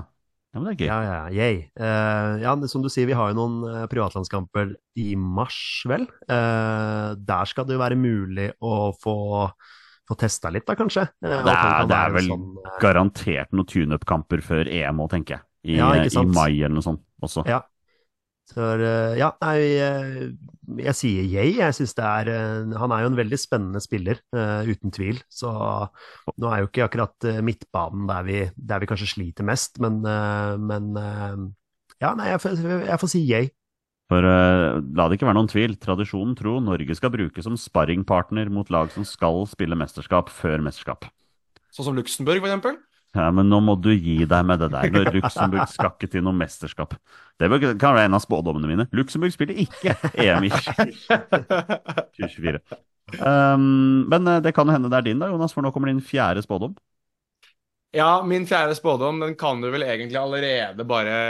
Luxembourg går til EM 2014. og møter Norge i privatlandskamp. Uh, nei Uh, Spådom fire. Kjetil Rekdal og Ståle Solbakken havner i munnhuggeri i media etter en eller annen fadese. Ja, ja, ja, ja. Den, eh, det, det kommer jo til å skje. Og der må jeg egentlig få sagt at Vi tenker å spore helt av på den her, men jeg har sagt nå i en periode at dersom Ståle Solbakken trekker seg, ryker, av en eller annen grunn ikke skulle være norsk landslagssjef igjen, så er, synes jeg ikke tanken om at Kjetil Rekdal som landslagssjef er helt ueffen, altså. Jeg syns, eh, med tanke på det å, å ha en trener som kun skal fokusere to kamper av gangen, så er Kjetil Rekdal veldig, veldig god på enkeltkamper. Ehm, så kan vi godt snakke om at han er kanskje ikke den beste sånn personbehandleren og kanskje litt for ærlig innimellom og sånn, men da er det kanskje greit å ha han i veldig sånn porsjonerte doser. Uh, så jeg er liksom ikke Han er kanskje ikke den jeg ville slått i bordet først med, men jeg syns liksom ikke at det er en helt dum tanke hvis man skal erstatte øh, Ståle Solbakken, da. Men de kommer til å krangle med, gjennom media, ikke med hverandre, men gjennom media så kommer de til å krangle på et eller annet tidspunkt i 2024. Ja, men det er eh, Altså, Kjetil Rekdal kommer til å sitte i et eller annet studio og følge en kamp. Han kommer til å komme med en eller annen greie som blåses opp. Ståle Solbakken blir spurt under pressekonferanse. Ler litt grann av det og kommer med en eller annen sånn der edgy, edgy kommentar tilbake. Og så blir Kjetil Rekdal sur. Åpenbart. Fra sjefsstolen sin på Romsa Arena som Tromsø-trener. Det er ikke dumt tenkt. Det er ikke dumt Um. Petter, hva tenker du? Det er vel også en Den er bankers, den? Kjetil Rekdal og Solbakken krangler?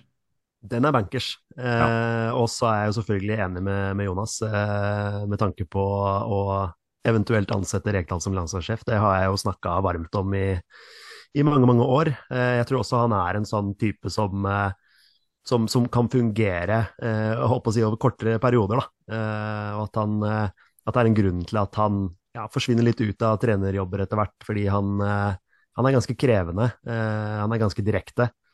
Men over kort eh, tid, å få det beste ut av det man har tilgjengelig, sette opp et informasjonssystem, eh, få det beste ut av de spillerne, det tror jeg han hadde passa helt perfekt til. Men så spørs det jo om, da, om NFF hadde villet gått for, for Kjetil Rekdal. Det er jo en annen sak. Kanskje en av få norske trenere som kanskje er bedre som landslagstrener enn som klubbtrener, faktisk. Ja, kanskje. Mm, kanskje. Det, vet, det vet man jo ikke, men uh, han er en sånn åpenbart navn som jeg ville, ville ansatt, ja.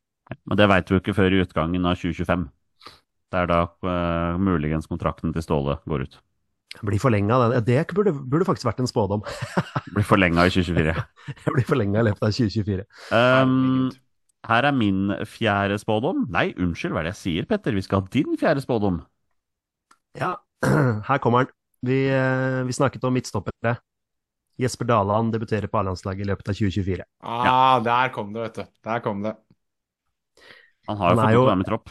Han har vært med i tropp, ikke debutert ennå. Er jo en som ja, han gjør det bra i belgisk fotball der. eh, Og er jo en sånn spiller som vi har snakka om en stund. eh, Og jeg mener at det er liksom på høy tid å, ja, å få inn noen yngre eh, stoppere. Og da er jo han en av de som bør være førstemann i køen der. eh, Ja. Og, og at han da får debuten i løpet av 2024, det, det tror jeg.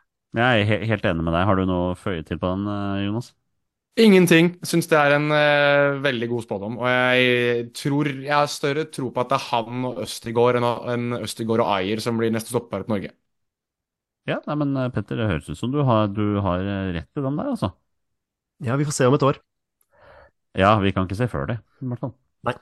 Uh, min fjerde spådom er som følger. Alexander Sørloth blir ikke solgt i sommerens overgangsvindu. Nei, men det gjør han ikke. Nei, det er mest et stikk til at han stort sett alltid bytter klubb. Å ja.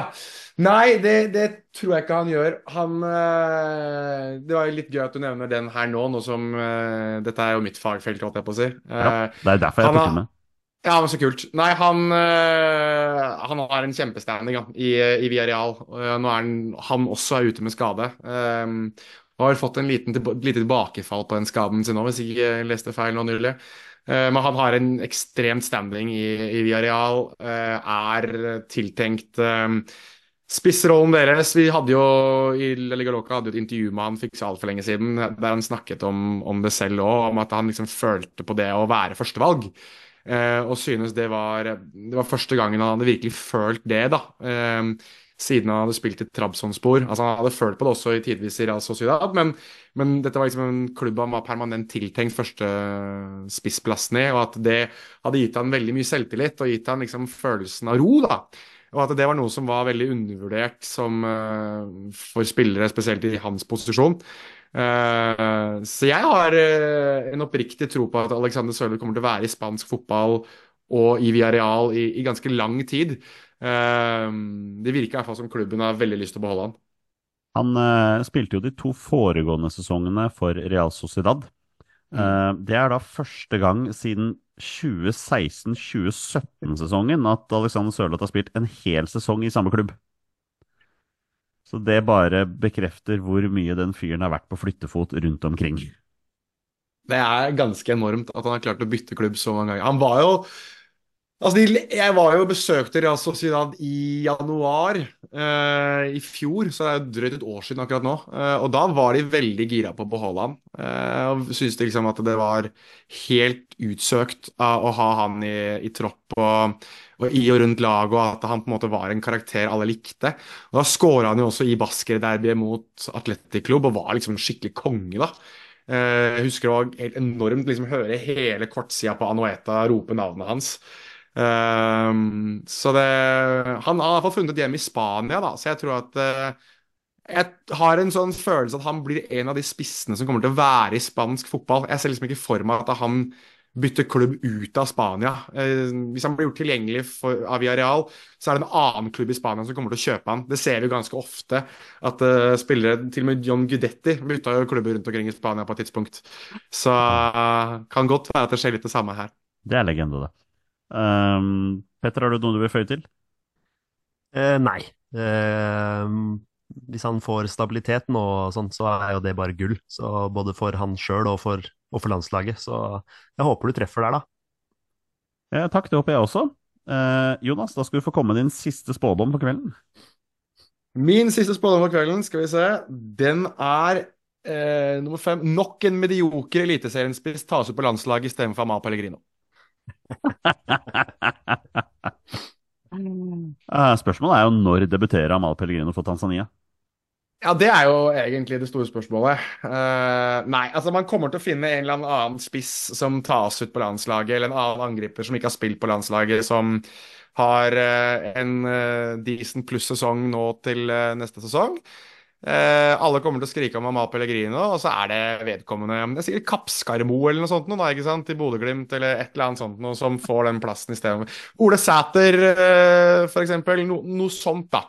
Eh, og jeg, nå liker jeg Ole Sæter veldig godt, så jeg skal kanskje kalle han for medioker. Men ta oss ut over Amal Pellegrino, eh, og vi alle sammen Og han kommer sikkert til å ha, hvis han spiller i Norge fremdeles, eh, og da for Bodø-Glimt, han kommer sikkert til å ha 40 målpoeng, liksom, og er bare helt vilt god. Eh, men tas fremdeles ikke ut, til tross for at vi har et landslag som da på det tidspunktet vil hyle etter målpoeng. Eh, så det, jeg, det er faktisk et jeg, jeg satt nylig og tenkte på det. Altså, han må jo være tidenes beste norske fotballspiller som ikke har spilt for landslaget. Det må jo være Amal Pellegrino. Eh, jeg kan ikke komme på noen andre som ikke fikk en eneste kamp for landslaget som er bedre enn Pellegrino. Det er en interessant påstand, og jeg, jeg, første, første jeg tenker er at jeg er helt enig, men her, her skal det graves, altså. Her skal vi, her skal vi grave til gull. Ja, det er bare å grave. Jeg kommer ikke på Altså, Egil Østenstad fikk landskamper. Eh, Erik Nevland fikk vel landskamper. Eh, nei, altså, det er eh, Steinar Nilsen fikk vel landskamper. Ja, ja. Eh, det gjorde vel broren hans også, faktisk. Jeg tenke meg om. ja om han gjorde. Eh, så det er eh, Nei, jeg, jeg er ganske sikker. Ganske sikker. Og det, jeg må, må gjerne bli retta på hvis det er noen lyttere eller noen andre som tar det har et navn som ikke jeg kommer på. Eh, men samtidig også så er det sikkert noen sånn eh, Spill Arild Berg eller noe sånt. Og Jeg, jeg, det, det blir liksom litt sånn Det blir for vanskelig for meg å diktere hvorvidt Arild Berg var så god, for eksempel, da. Eh, men liksom i Hvis du tenker da kanskje sent 80-tall, midten av 80-tall, fram til i dag, så tror jeg ikke jeg kommer på noen landslagsspillere eller noen norske spillere som ikke fikk en eneste landskamp som er bedre enn Amal Pellegrino. Nei, det, den er kul, den skal vi titte litt på. Men Petter, er du enig med påstanden hans? Um, Eliteserien, hva er det for noe? Ja. Vil du ha en medioker Obo-spiller isteden? Er det det du tenker? ja, nei da. Uh, nei, jeg, jeg ble bare sittende og tenke på navn jeg nå, så det syns jeg var en kul eh, sånn påstand å komme med der med tanke på Pellegrino. Første navnet jeg tenkte på, var liksom Petter Belsvik. Uh, var jo en ganske habil målskårer som aldri fikk A-landskamp, men det er kanskje ikke stort nok navn, da. Um, Petter, din siste spådom for kvelden. Ja, det er jo holdt på å si, redd for å gjenta meg sjøl, men jeg sier det igjen. Ullevål skal være vårt fort. Vi er ubeseira på Ullevål i 2024. Det inkluderer privatlandskamper. Det inkluderer alt av kamper som spilles på, på Ullevål. Jeg regner jo ikke med at vi flytter noen kamper til uh, utenbys, selv om vi kanskje burde gjort det. Men uh, nei, vi, de, vi, vi er ubeseira på Ullevål. Ja. Hva tenker du, Jonas? Ja? Nei, første jeg tenkte på, er jo det at absolutt alt og alle skal jo flytte til Bodø nå, så hvorfor ikke flytte landskampene ditt også? Uh, nei, jeg, jeg, jeg, ble litt sånn redd nå med tanke på den der Nations League-greiene du la fram her nå, Jonny, med tanke på de lagene vi kan møte. Så um, kan vi jo være Nei, vi kan jo ikke det heller, for vi skal jo spille aller meste i, i 2024 òg, ja. Uh, uff. Ubeseira på Ullevål.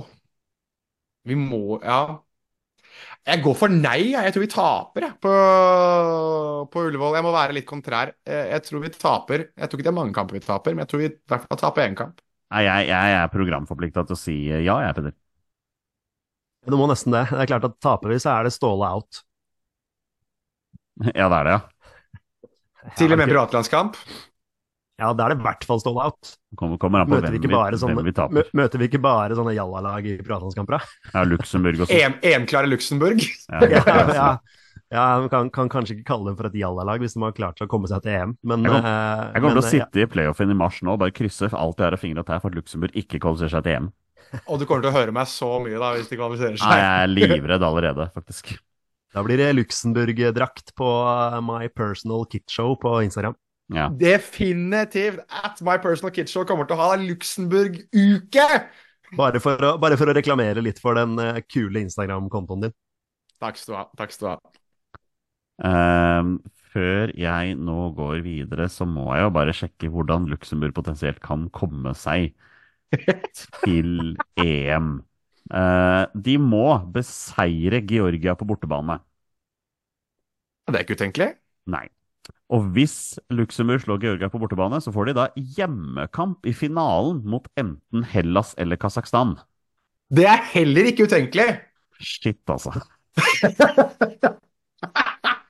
Hva er, eh, hva er våre beste menn på luxemburgsk? ja, hva, hva, hva snakker de der? Um, Oi, oi, oi. Jeg tar min siste spådom, jeg, dere. Ja. Uh, Norge ender på andreplass i sin Nations League-gruppe og må ut i opprykksplayoff i mars 2025 mot den nummer tre i divisjon A.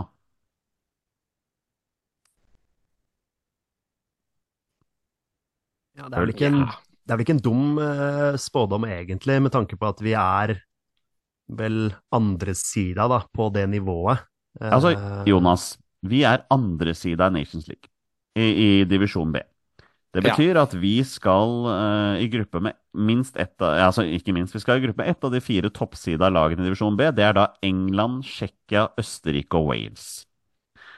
Så Ja. tenker jeg Wales, Tsjekkia Absolutt muligheter for at vi kan komme oss foran de. ikke sant? Østerrike tror jeg kanskje blir litt vanlig. England er det bare å glemme. Ikke sant? Men så si at vi da møtes, si at vi da trekker Wales. Så tenker vi ok, her er det muligheter. Men de tredje sida, der møter vi da enten Slovenia, Irland, Albania eller Montenegro. Det kan jo bli noen uh, utfordringer der, men de som er fjerde sida, er da Kasakhstan, Georgia, Hellas og Tyrkia. Ja, det første jeg tenker, er jo det at eh, Når du sier Wales, tenker jeg har liksom ikke fått nok britiske lag som liksom skal være bedre enn det vi liksom er bedre enn det vi tenker at de er. Nei, vi, får, vi får Wales og Irland, vet du. Altså, egentlig Det gøyeste hadde vært hvis de fikk England og Irland. Det er jo to kule borteturer, om ikke annet. da. Ja, ja, ja. 100%. Eh, men altså Tsjekkia, som for så vidt også er en kul bortetur uh, Hva var de andre? Irland Hvem andre var de? Eh, første sida var Østerrike, Tsjekkia, England og Wales. Ja, og så var det tredje sida var Det var Slovenia, Irland, Albania og Montenegro. Ja, altså hvis du tar Albania eller Montenegro, da Jeg ville kanskje ta Montenegro istedenfor. De er ikke noe sånn wow over dem. Uh, I hvert fall sånn jeg husker dem. Altså, nå husker ikke jeg dem noe særlig mer enn Mirko Vucinic da, for typ ti år siden. Men, Mm. Eh, og så har du da Kasakhstan, da, ta det av de, de nederst der. Hvis man ikke ender som nummer to i en gruppe med Kasakhstan, Montenegro og Tsjekkia, da er det ikke bare å ståle out. Da kan du jo egentlig bare legge ned det som er landslagssatsing i Norge, altså. Det, Ja, men- Da er det Men tenk om vi får England, Albania og Tyrkia, da. Ja, det er vanskelig. Det, det er vanskelig. Da Ja. Det Tyrkia er jo liksom du, Det spørs liksom når på året da man møter Tyrkia, og om de har en landslagskrise eller ikke. Eh, Albania er vel trent av Sylvinio, den tidligere Er det What? ikke han som Ja, på ikke det er Sylvinio som trener Albania nå? Altså Du har rett. du har rett. Det er Sylvinio. ja. Han, eh, ja, han er blitt sånn æresalbaner han, etter å ha tatt de til EM nå. Eh, um, det er helt latterlig at han liksom at Der er han! Eh, og så har du da England, som du er inne på, eh, som er England. Det er en vanskelig gruppe, altså. Det er en dritvanskelig gruppe. Så der, der hadde jeg ikke håpet på så mye. Nei. Men det er derfor jeg tenker i typisk norsk stil at vi nå har vi faktisk en mulighet til å komme oss til å, til å rykke opp, selv om vi ikke blir nummer én. Eh, men det er klart, blir vi nummer tre i gruppa, så skal vi jo da spille playoff mot en andreplass i divisjon C for å unngå å rykke ned.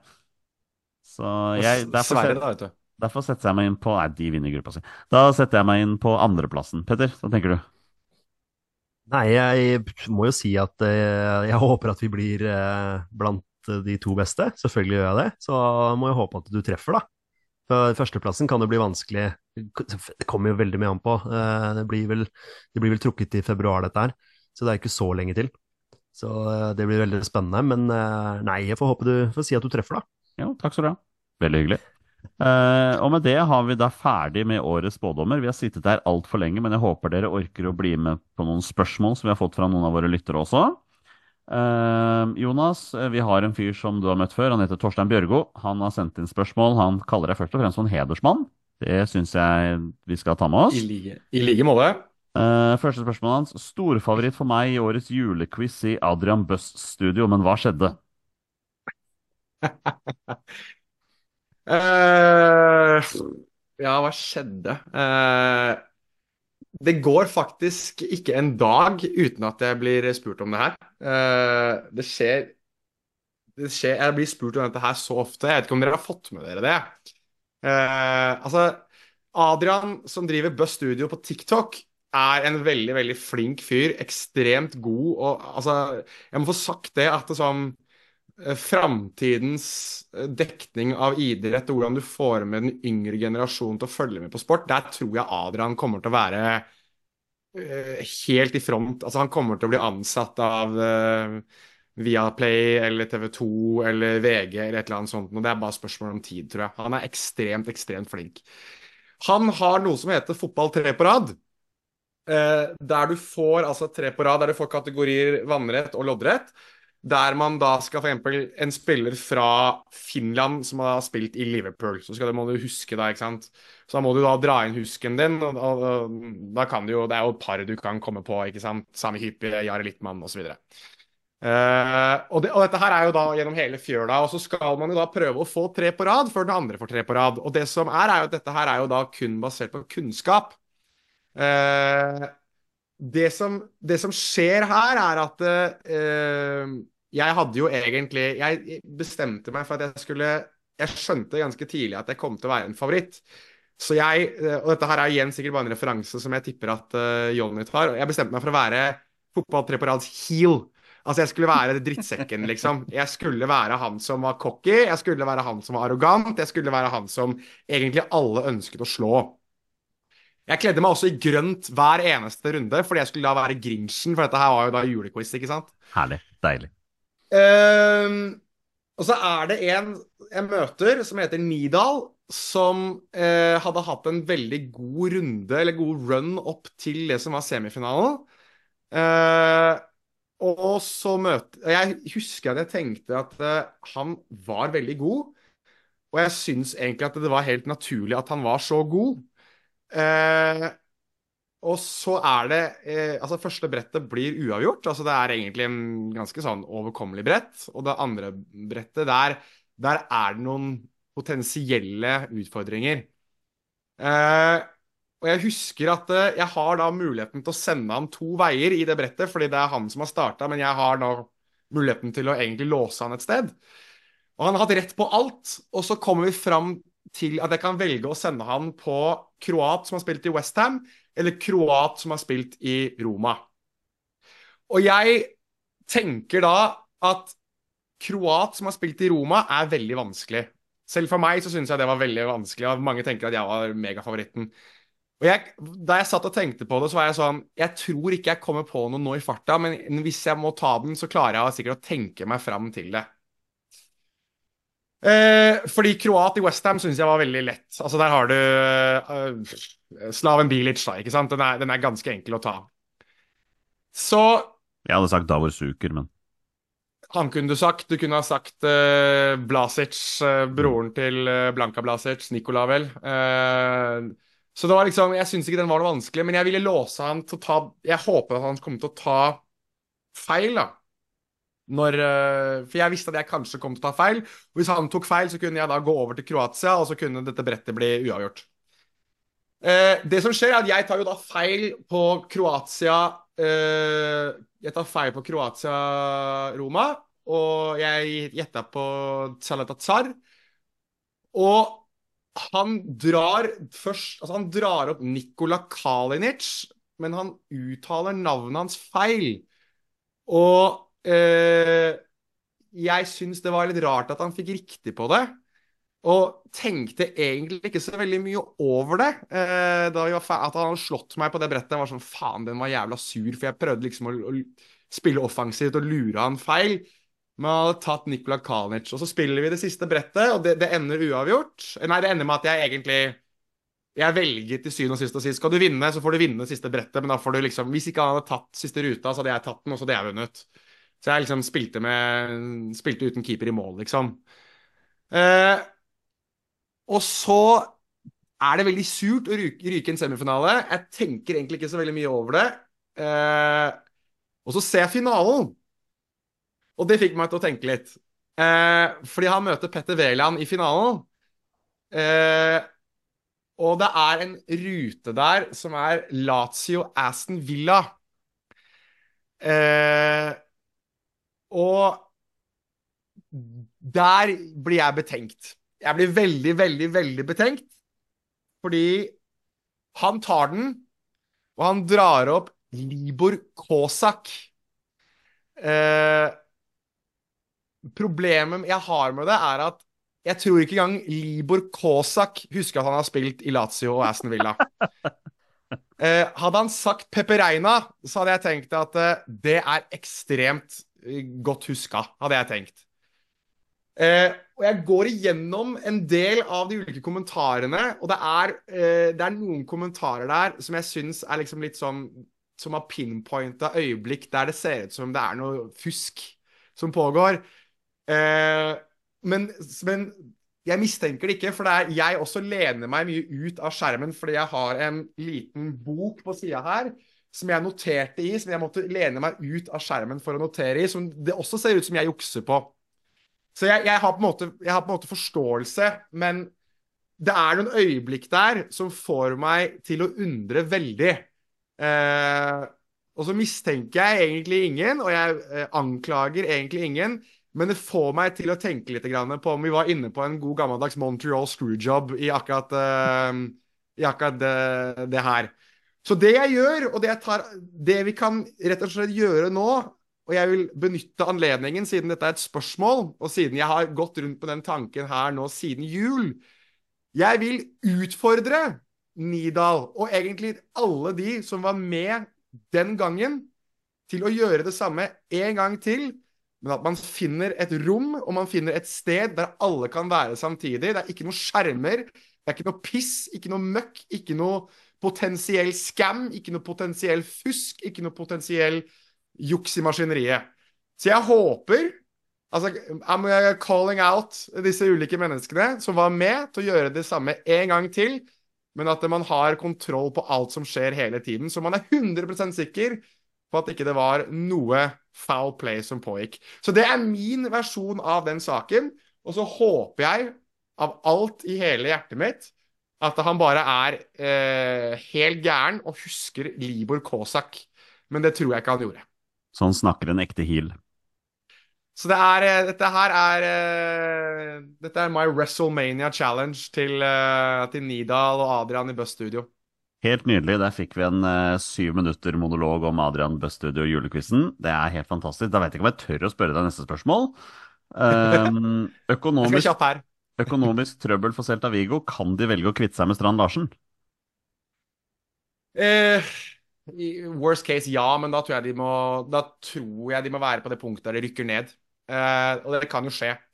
Men jeg tror f.eks. det at eh, det å fjerne Rafael Benitez som hovedtrener vil nok løse litt på den lønnsposten først. Eh, men Jørgen Stein Larsen er nok det heteste salgsobjektet, definitivt. Han har klart seg bra i år, han. Kjempe. Han, Ja. eh, han har vel blitt eh, kåret til månedens spiller i Vigo. Er det august, september, oktober og november? Og vi vet ennå ikke Uh, hvem som blir det i desember, men han, han var best i desember, så spoiler alert, det blir sikkert desember på nå. Rimelig småfrekk hælskåring her. Helt nydelig. Han, eh, han virker som han nyter det, og han sa også i Halden Arbeiderblad for øvrig at, eh, at han har latt seg motivere av at Petter Wæland ikke tror at han skårer tosifret antall i La Liga denne sesongen. Så nå ligger han an til å klare det. Han har syv skåringer i La Liga, så Petter Wæland får ta på seg skylden for det. Ja, det er deilig motivasjon. Hæ? Ja. Har du hørt maken? Um, La Real videre i CL og nummer seks i La Liga. Via Real med fæl sesong til nå. Valgte Sørloth rett klubb? Ja, det er et godt spørsmål, det òg, egentlig. Eh, ja, han spiller jo Han er udiskutabel fra start da, i Villarreal. Og Villarreal er egentlig en bedre klubb enn de det de har fått vist fram denne sesongen her.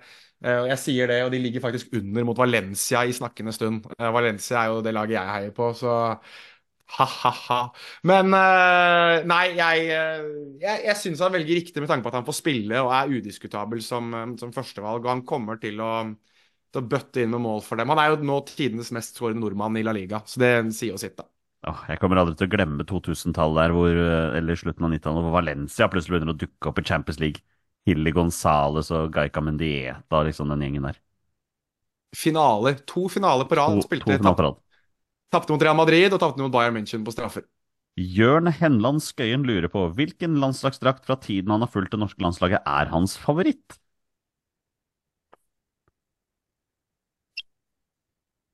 Den er vanskelig, altså. Ja, den er tricky. Ja, den er veldig vanskelig. Hva er din favoritt, Mm. Peder? Nei, Jeg syns også, også det er vanskelig, men eh, jeg må bare dra fram den der eh, isbredrakta, da. Den som du ikke er noe fan av. Eh, Den syns jeg er veldig, veldig kul. Eh, Jeg er litt sånn fan. Jeg syns jo ofte de hjemmedraktene blir veldig sånn De blir veldig like. De var kanskje litt mer ulike på 90-tallet og sånn. Men på bortedraktene så kan man ofte sprite de opp litt, og da syns jeg den, eh, den eh, lyseblå drakta den falt jeg veldig for, da. Så den, den, den liker jeg veldig godt. Det har vært noen veldig plaine røde drakter, liksom. Ja, ikke sant? Ja. Så jeg du- kommer, ikke, jeg kommer ikke på noen sånn akkurat her og nå. Har du noe svar, Jonas? Jeg er egentlig ganske svak for den drakta, den hjemmedrakta Norge spilte med i EM i 2000. Uh, den som er veldig rød, og så har den på en måte en uh, rund, hvit krage. Og så har den uh, Og dette er også noe jeg er svak for. Nummer foran. Altså det er, altså er eh, draktnummer foran og bak. Ehm, jeg syns den er veldig fin. Eh, så det er vel kanskje For det, det er mye drit, altså. Det er Altså, jeg beklager å si til Umbro, men fy faen, Umbro lager ikke bra landslagsdrakter. Uh, I hvert fall ikke for Norge. Uh, de hadde én drakt, og det var den i, i 98, syns jeg, som var, uh, var kul. Men uh, derfra ut så var det dessverre ikke veldig mye kule Umbro-landslagsdrakter. Men jeg går, for jeg går jo for en Umbro-drakt, da. Som er EM eh, 2000-drakta. Men det har nok noe å gjøre med at jeg husker at Jon Carew var helt konge i den drakta òg. Skåra vel mot Danmark i den drakta, tror jeg. Det er kult. Uh, Alexander Valø lurer på er Sofian Amrabat på vei til å bli like irriterende som Nordin? Nei. Nei, ja, da, går vi, da går vi videre der. Um, hvis Jonas kunne velge hvem skulle trent Norge, det har du jo svart på, uh, vil jeg si. Kjetil Rekdal er vel uh, din, ditt valg der? Hvis du må være nordmann, så hadde det gått for Kjetil Rekdal. Ja. ja, hvis det ikke har vært nordmann, da? Må det være en som har jobb nå, eller? eh? Nei, det, dette er ditt ønske. Altså, ja, ok. Relativt realistiske svar settes pris på, sier Valle, så Der blir det Rekdal, da. Ja, men vi har jo mye penger, da. Eh, jeg skulle likt å se Louis van Hall som norsk landslagssjef. Den, den kom ut av ingenting. Skulle Eh, likt å se det. Jeg liker det. Um, og så får- har han det der veldig enkle spørsmålet. Hvem er tidenes beste norske landslagsspiller? Erling Braut Haaland. Ja, det er vel kanskje det. Tror han har gått forbi nå. Eh, det var Bratseth. Eh, og eh, definitivt Bratseth i mange, mange år. Men eh, Haaland kommer til å bli, vi er inne på det, i 2024 så blir han jo tidenes toppskårer på landslaget. Det har jeg jo allerede kommet med en spådom om. Og, altså, han har vel nesten et mål i snitt. Han eh, Ja. Han mangler jo bare det å være tidenes toppskårer og spille et mesterskap for Norge, sånn at der det er helt udiskutabelt, da. Ja. Uh, så ja. Mm. Den er helt fair. Uh, Bjørn Rudsagen med spørsmål, Petter. Du skal få være med på denne her. Hvor langt unna en landslagstropp er Jostein Gundersen om han får en god vårsesong i Glimt? Nei, med tanke på stopperproblematikken, så er han vel sikkert ikke så langt unna. Uh, Han er vel muligens en av de som har ligget litt i skorpa der. Han har gjort det bra for, eh, for eh, Tromsø. Selv om han eh, driver med litt sånn skuespillerting, da, sånn som Mattis Moen har beskyldt han for. Så Nei, altså, jeg, jeg har sett den situasjonen flere ganger på repeat i ettertid, og Mattis Moen tar feil der, altså. Det er ikke noe skuespill i det hele tatt. Det er bare det er en ordentlig, ordentlig stygg hodeskade. Um, ja, ok, ja, men da, da trekker jeg tilbake den. Uh, Ja, gjør det. Gjør det. Men, men ja, klar, klart det, at han kan Han spiller for Bodø-Glimt, Bodø-Glimt ute i Europa. Eh, ja, hvorfor ikke? Kunne jo for så vidt spilt Europa med Tromsø, men det, det gadd han ikke. Nei, jeg syns det er innmari fascinerende at en fyr som har spilt for Tromsø siden han var en bøttehøy, går gratis ut kontrakten og signerer for Bodø-Glimt. Det må jeg bare si. Ja, jeg, jeg, jeg, jeg syns at det har eh, Jeg liker den debatten som har vært på Twitter nå i dag, altså rundt dette, dette med, med klubbtilhørighet og stolthet for den klubben du faktisk er i. Eh, nå er eh, både jeg og Petter har jo våre hjerter i kongeblått, så jeg, vi, vi skal liksom ikke snakke så jævla høyt om akkurat det der, med tanke på Geir Bakke, men Men, for, men forskjellen der, Jonas, bare for å ta det Geir Bakke Ja. har jo faktisk vært i Vålerenga tidligere. ja, det er et godt poeng. uten at jeg skal forsvare at han, at han velger å gå fra Lillestrøm til Vålerenga, men, men der er det faktisk en forhistorie uh, med, med Vålerenga. Men, uh, men, men lojalitet i fotball, hva er det for noe? Det er jo ikke-eksisterende. Nei, jeg er enig med deg i det, men samtidig, da. Altså, det er visse ting du bare ikke gjør, tenker jeg. Um, Helt enig. og med tanke på Altså, hadde, for å si det sånn, da, hadde Tromsø endt på tolvteplass i Eliteserien, så hadde jeg tenkt at det her gir nok litt mer mening. Men med tanke på hvor gode Tromsø har vært, og den utviklinga de har hatt, så syns jeg det er noe det rører litt ved det moralske kompasset mitt, da. At eh, både Gaute Helstrup og Jostein Gundersen Og Gaute Helstrup ikke, altså skal bli assistent i Bodø-Glimt. Da blir jeg liksom litt sånn Jeg syns, jeg syns det er noe rart med det. Eh, jeg skjønner at man kanskje tenker at ambisjonen er at han skal bli hovedtrener på sikt. Men jeg, nei, jeg, jeg, jeg syns det Jeg, jeg skjønner at Tromsø-supportere i dag er eh, har det ganske vondt, ja. Det skjønner jeg. Det mest fascinerende jeg har sett på Twitter i dag, det er jo at jeg har, nest, jeg har ennå ikke sett en Bodø-Glimt-supporter som har snakket om at, eh, at Bodø-Glimt forsterker seg med Jostein Gundersen og Gaute Ølsøp. Det virker som Bodø-Glimt-Twitter er mer opptatt av å rakke ned på Tromsø i, i dag. Ja. Jo, men, men, men du var litt inne på dette med heel turns og det å gå fra liksom være snill til slem. Altså Der syns jeg Bodø-Glimt potensielt sett har hatt en av de kjappeste omveltningene noensinne. Fra liksom være hele Norges Bodø-Glimt til å nå være en sånn stor, stygg ulv som tar eh, spillere og trenere fra alle andre klubber rundt omkring i Norge og lager seg som en sånn derre eh, NWO-faction eh, med bare alle de beste skal være på ett sted. De nærmer Eh, seg blir litt Rosenborg på 90-tallet nå, ja. Ja, jo, men, men Rosenborg på 90-tallet var en litt annen greie igjen, for der var det på en måte litt sånn De var så mange, mange, mange mange hakk bedre enn resten, og de vant ligaen tolv år på rad, liksom. Det var eh, Altså, Bodø-Glimt har jo tapt ligatitler, og de taper jo cuptitler en masse, og det er liksom Det er litt mer men de går liksom ut og gjør de ting Altså Det er sikkert ikke lenge før de henter eh, sikkert Risnes fra Vålerenga og en del andre spillere, liksom. Eh, fordi de kan, da. Eh, og på en måte så syns jeg det er kjempekul klubbdrift, fordi at de holder jo norsk, og i stor grad i hvert fall. Og ja, de pumper norsk fotball full av penger, altså deres penger. Men på en annen måte så syns jeg det da er litt sånn surmaga at de, de mener at resten av Norge skal heie på dem. Eh, at det liksom er hele Norges Glimt. Det, det får du ikke av meg. Eh, Nei, nei, jeg- ikke nå lenger. Jeg ser den, men, men eh, jeg er mer fascinert over at liksom Bodø-Glimt har klart å gjøre dette her kun på, ved å spille bra på banen. Altså, de har ikke hatt noen rik onkel som har pumpa de fulle av penger. De har, Nei, det, det, eh, er- det er enig med deg. Det er enig med de, deg De, de har kun, kun fått til det de har gjort nå, ved å spille bra på banen, så all honnør til de.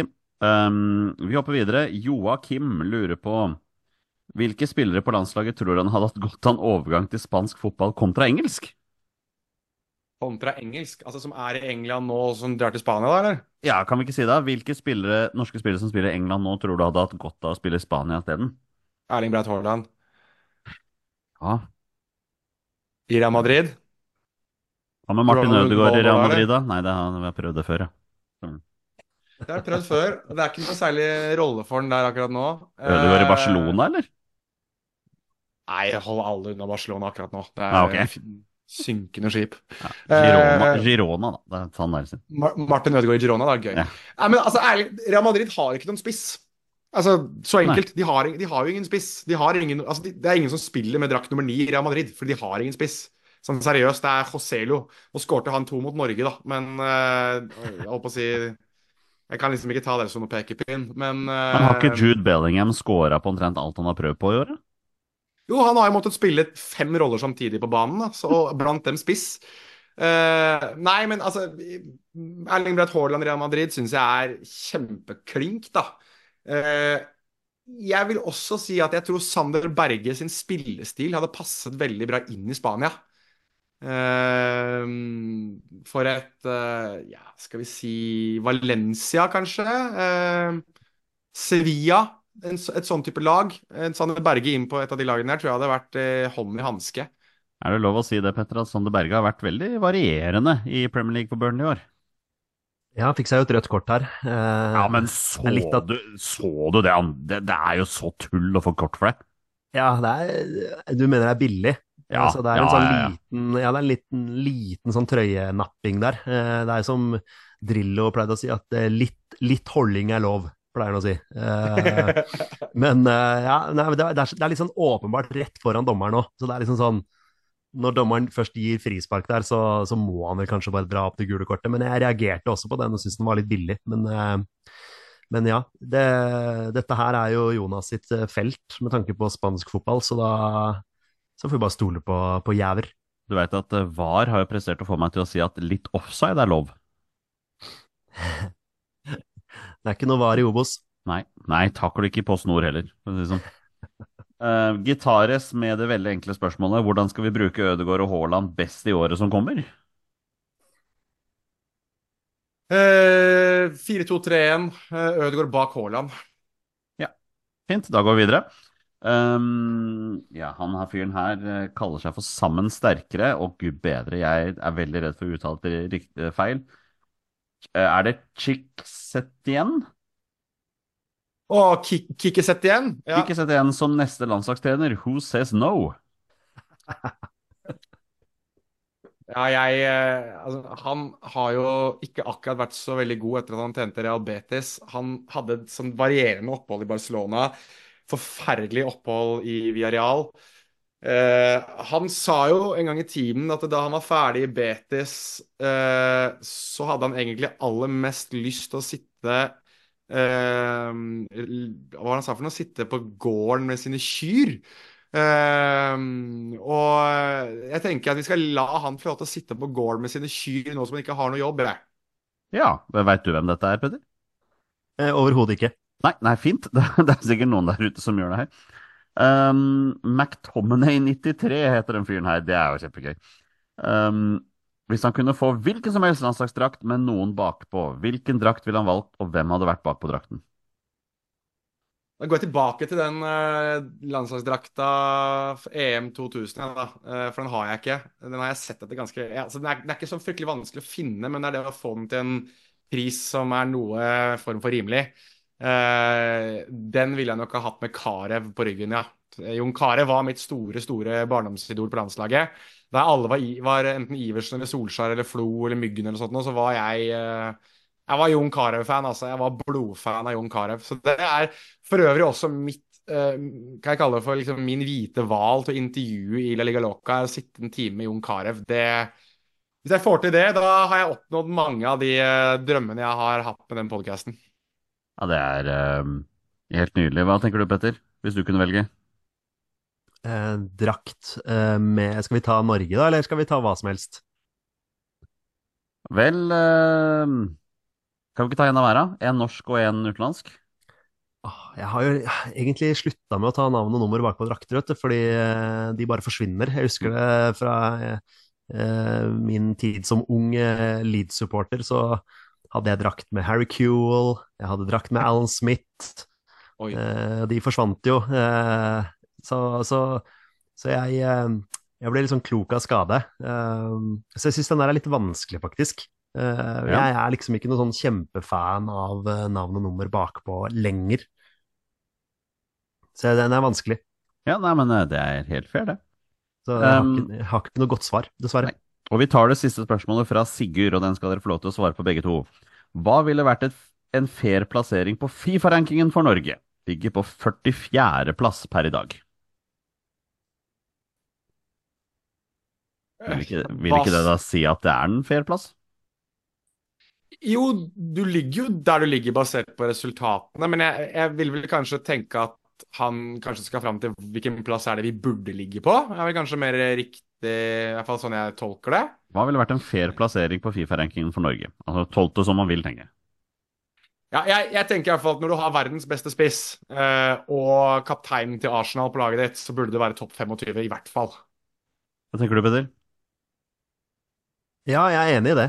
Eh, vi får jo for lite ut av det vi har tilgjengelig, sånn sett. Så at vi burde vært høyere, ja, kanskje.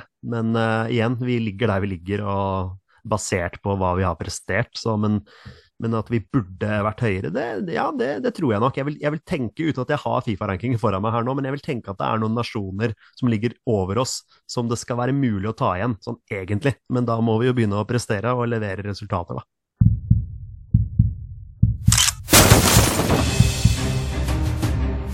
Er han nåværende landslagsspiller? Er han utenlandsproff? Er han fortsatt aktiv? Er han back? Har han spilt for Rosenborg? Damer og herrer, det er nå tid for 20 spørsmål. Det er på tide å avslutte som vi pleier, med en runde med 20 spørsmål.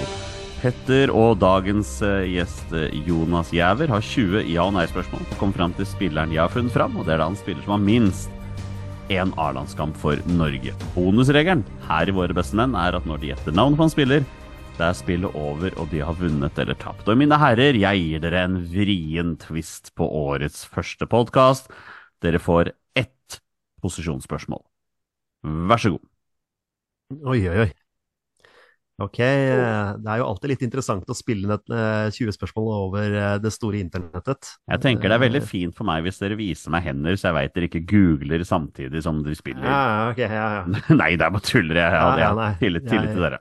Ja, nei, det ja, Jeg har ikke lyst til å vinne på den måten, for å si det sånn. Det, sånn holder jeg ikke på. Men Nei, jeg eh, Nei, jeg har opplevd det, at uh, sånne ting kan skje.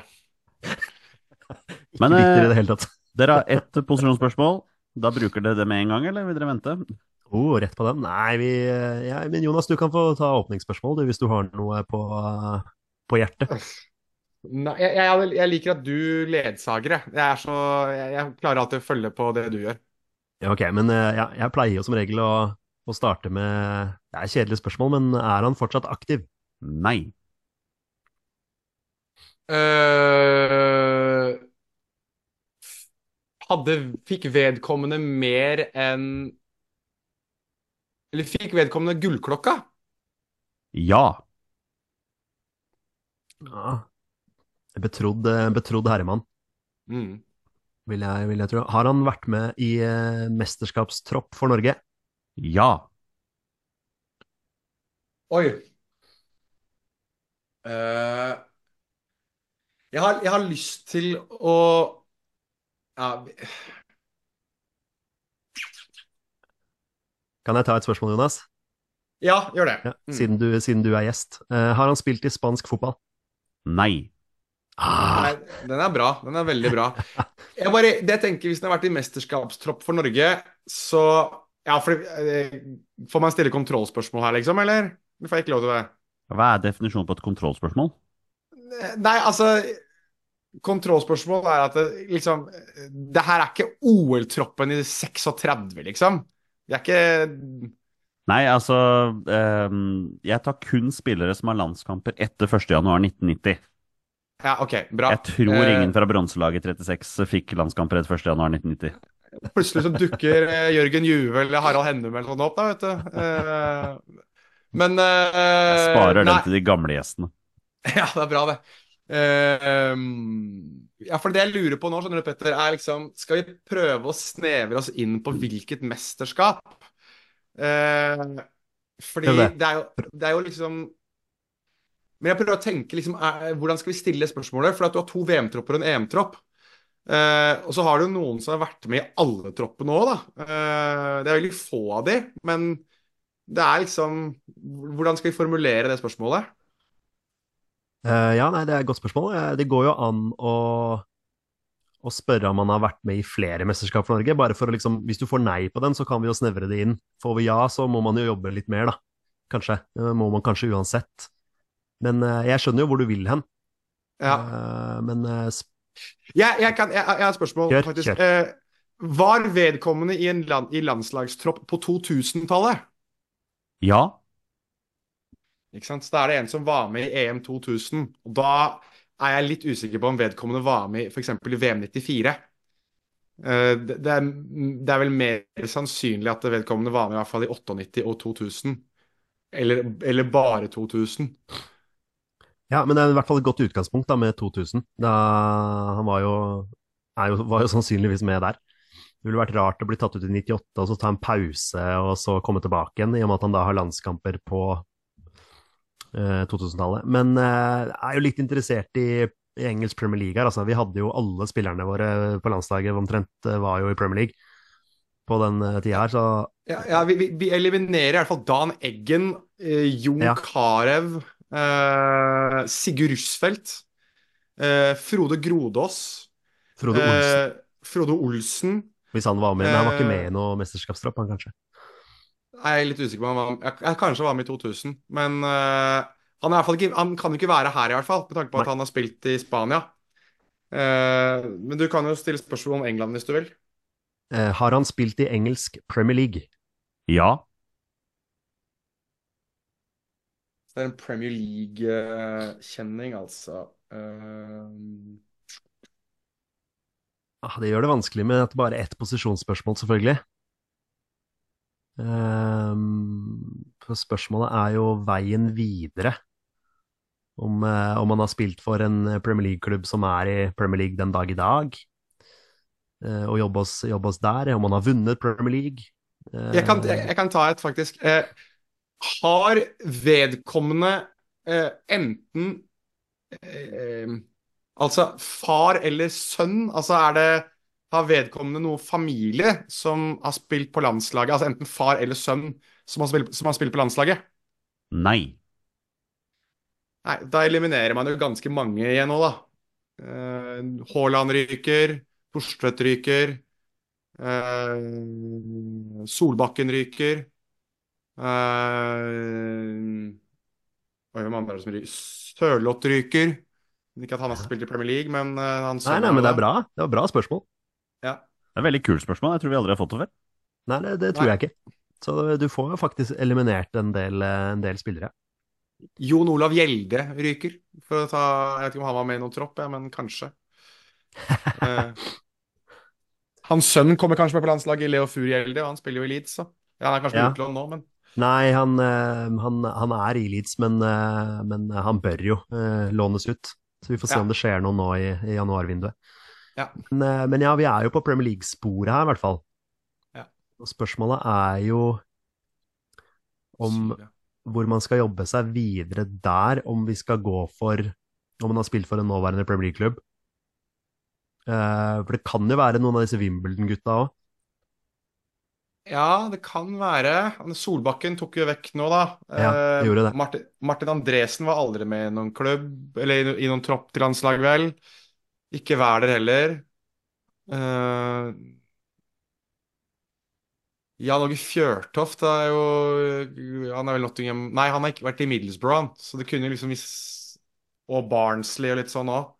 Ja, men han, han spilte ikke på 2000-tallet på, på landslaget, eller? Nei, det var kanskje ikke det. Han var vel akkurat ikke med i 98. Han var vel en av de som ble, ble kutt... Han spilte vel kun 94, han, tror jeg. Ja, ja, det tror jeg. det tror jeg. Men vi har i hvert fall konkludert med at den spilleren her har landskamper på 2000-tallet. Det var det vi konkluderte med, gjorde vi ikke det? Jo, jeg lurer på om ikke vi gjorde det. Jo, jo, Ja, han, det. han har spilt, han har spilt eh, Ja, riktig. Eh, spilt e han har vært i EM-troppen. Tror vi. Vi regner, vi regner med det, i hvert fall. Ja. Ehm, har vedkommende spilt eh, kamper for en nåværende Premier League-klubb? Ja. Ok. Nåværende Premier League-klubb. Det var veldig mange Liverpool-spillere, da. Eh, Ja, ikke sant? Du har liksom Øyvind Leonardsen, eh, Vegard Heggem Bjørn Tore Kvarme var ikke med i noen tropp, vel? Jon Arne Riise, men han har Jon kanskje vært Har han vært i Spania? Riise har ikke vært i Spania. Nei, ikke sant? Han har vært i Italia. Ja. Uh, har, eh, har vedkommende Ja, for vedkommende var ikke aktiv. Har vedkommende hatt en trenerkarriere etter endt spillekarriere? Ja. Ikke sant? Der, da er jo plutselig Jon Arne Riise er jo Han er jo der, han da, men det er jo et par andre som er òg, selvfølgelig. Kjetil Rekdal, Eirik Bakke, vel, i løpet av var i 2000. Mm, ja, ja, ja, ja. Ja, men eh, Eh, skal vi se Erik Bakke, ja, for han spilte jo for Aston Villa, eh, med tanke på nåværende Premier League-klubb. Så han kan det jo også være, og han var med i 2000, ja, og landskamper på 2000-tallet. Eh, Rekdal var vel aldri i Premier League, Nei. eh, men Riise definitivt. Ole Gunnar Solskjær. Solskjær. Ja. Det går jo an å spørre om han har vunnet Premier League, eh, for da får du i hvert fall eliminert noen. Ja, Da eliminerer du ganske mange, faktisk, hvis, du, hvis han har vunnet Premier League. Ja, Henning Berg, Ronny Johnsen der. eh, ja, hvis de var Spilte de land... Ja, eh, ja vi spør om det. Har han vunnet engelsk Premier League? Nei. Det er ti, så da er vi halvveis. Ja, fordi Er litt på, eh, er litt på risa, altså. Ja, jeg, jeg, jeg er ikke uenig med deg i det. Eh, da, da har jeg ett spørsmål som kan eliminere han ja eller nei med en eneste gang, liksom. Kjør. Har vedkommende hatt en uh, spillerkarriere i India? Nei. Ikke sant? Da, da ryker Riise med en gang. Der forsvant Riise. Ja. Han var innom India en tur, ja. Jeg hadde India helt på tampen av eh, karrieren. Da husker jeg at han spilte for noe eller, Jeg tror det var Chennai eller noe sånt. det. Der han eh, snakket om at han gledet seg sånn til å komme Because they have really great coffee. Uh, jeg husker det er en sånn video av han der han la ut at han gledet seg til å være komme ned dit, for det var really great coffee. Det er sånn, Hva faen har det med Du skal spille fotball, mann! ja klasse. Eh, Ok, ja, jo, ok. Lise ryker da.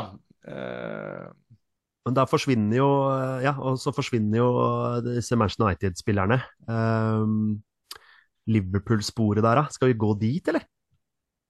Bare for å Der har du liksom Leo, men har Leonardsen hatt noe trenerkarriere? Leonardsen har vært ja, eh, han har vært assistent, han. ja. Stemmer det. i Stemmer det. Mjøndalen. Stemmer det. Uh, så han kan det jo da ikke være. Uh, Hvorfor kan det ikke være han? han har hatt trenerkarriere. Ja, var det ikke du, du spurte om det, du fikk ja på det, gjorde du ikke det?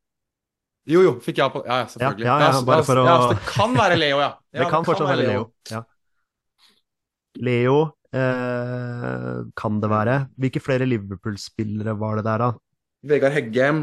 Heggem. Uh... har han hatt noe trener? Nei, Stig Inge Bjørneby. Han har også Bjørneby, hatt eh, han, var assistent, han var assistent på landslaget, han. Han var det? Un, under Åge Hareide. Det stemmer Men, Eh, for han 2000 Han var, hvert, han var i hvert fall med i 98. Det husker vi.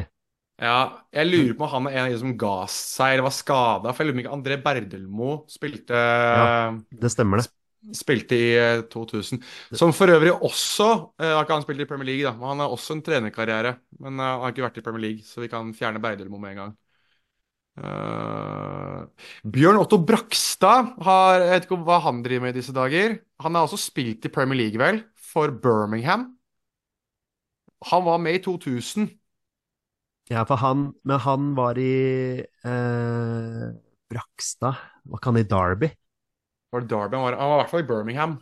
Ja, ok, ok, men eh, det er ikke nåværende Premier League-klubb, da, uansett. Men han For han var ikke i Nei. Liverpool, han, var ikke Liverpool, han? Nei. Nei, nei. Det var, kvar, nei. det var Kvarme, det. Kvarme, var i Liverpool. Kvarme Kippe, Ja.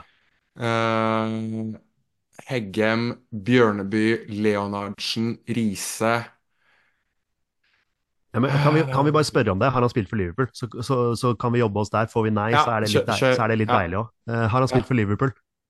Ja. Å ja, så er Liverpool-spiller, da. Ok. Det er, det er en eller annen åpenbar vi eh, mangler her, da. Ja, men eh, Leonardsen er jo fin, eh, men kan han ha spilt noen kamper på 2000-tallet? Ja, han kan definitivt ha vært med Jeg blir ikke overrasket hvis han var med i 2000. Nei, ikke sant. Det det er sånn at man ikke husker, vet du. Man husker jo ikke alle disse spillerne og tropper og sånn, men uh, han spilte jo også for Var han i, var han i Tottenham? Aston Villa? Aston, Aston Villa var han i. Han var Ja, i Aston, Aston Villa. Villa, Det er jeg 100% sikker på. Ja. Uh, Det er, lett, det er jo lett å utelukke han òg, ja, å stille spørsmål om han har spilt i Aston Villa. for eksempel. Uh, eventuelt uh, om han har om han var best uten ball. Ja, ja, ja, ja. Var han en klassisk best uten ball? Ja, den blir litt vanskelig å definere, kanskje, men uh, han var jo det. Men uh, ja, også, eller om han har spilt for Strømsgodset, det er jo Det, det spørsmålet syns jeg faktisk dere skal stille, for det har vi aldri fått før. Hvis, jeg svarer, hvis du svarer nei nå, så er det sånn klassisk heel move, det òg. Det var for sagt. Vil du, Nei, vil men, du, nei, men da, da, da, da kvitter dere jo med en spiller, eventuelt. vil, du Ja, vil du definere han som best uten ball? Nei. Så det er ikke Leonardsen heller, vet du. Ja, det er ikke Leonardsen. Måtte- Så det er ikke, det, det er ikke Riise. Det er ikke Leonardsen. Da lurer jeg på om det er Stig Inge Bjørneby, altså. Hvis, altså Med mindre det er én sånn veldig åpen Fordi, OK, han har ikke Han har gullklokka. Det har Bjørneby. Ja, ja. Eh, og vel så det. Han har ikke noen far eller noen sønn som har spilt på landslaget. Det har ikke Bjørneby. Eh, Bjørneby har jo da spilt for Liverpool, spilt i Premier League. Han har ikke vunnet Premier League, det gjorde ikke Bjørneby. Han har ikke vært i India, det har ikke For han, var i, for han var i Blackburn, eh, Bjørneby òg, var han ikke det? Men det var, etter, det var etterpå, det. Altså, det var senere, ikke sant? Eh, Det stemmer. Black, Blackburn vant i 95 der, men da var jo ikke han der, selvfølgelig. Eh, Han, eh, han har eh, Bare gå gjennom det. Han har vært trener, altså han har vært assistenttrener i, på landslaget, og så var han hovedtrener i Start. Var han ikke hovedtrener, eller var han assistent der òg? Ja, nei, han var hovedtrener, ja. Det var jo da han sa at uh, Bjørneby er ikke ferdig. Uh, det var et eller annet han hadde sånn pressekonferanse da han var i start der, husker jeg. Så det stemmer, det.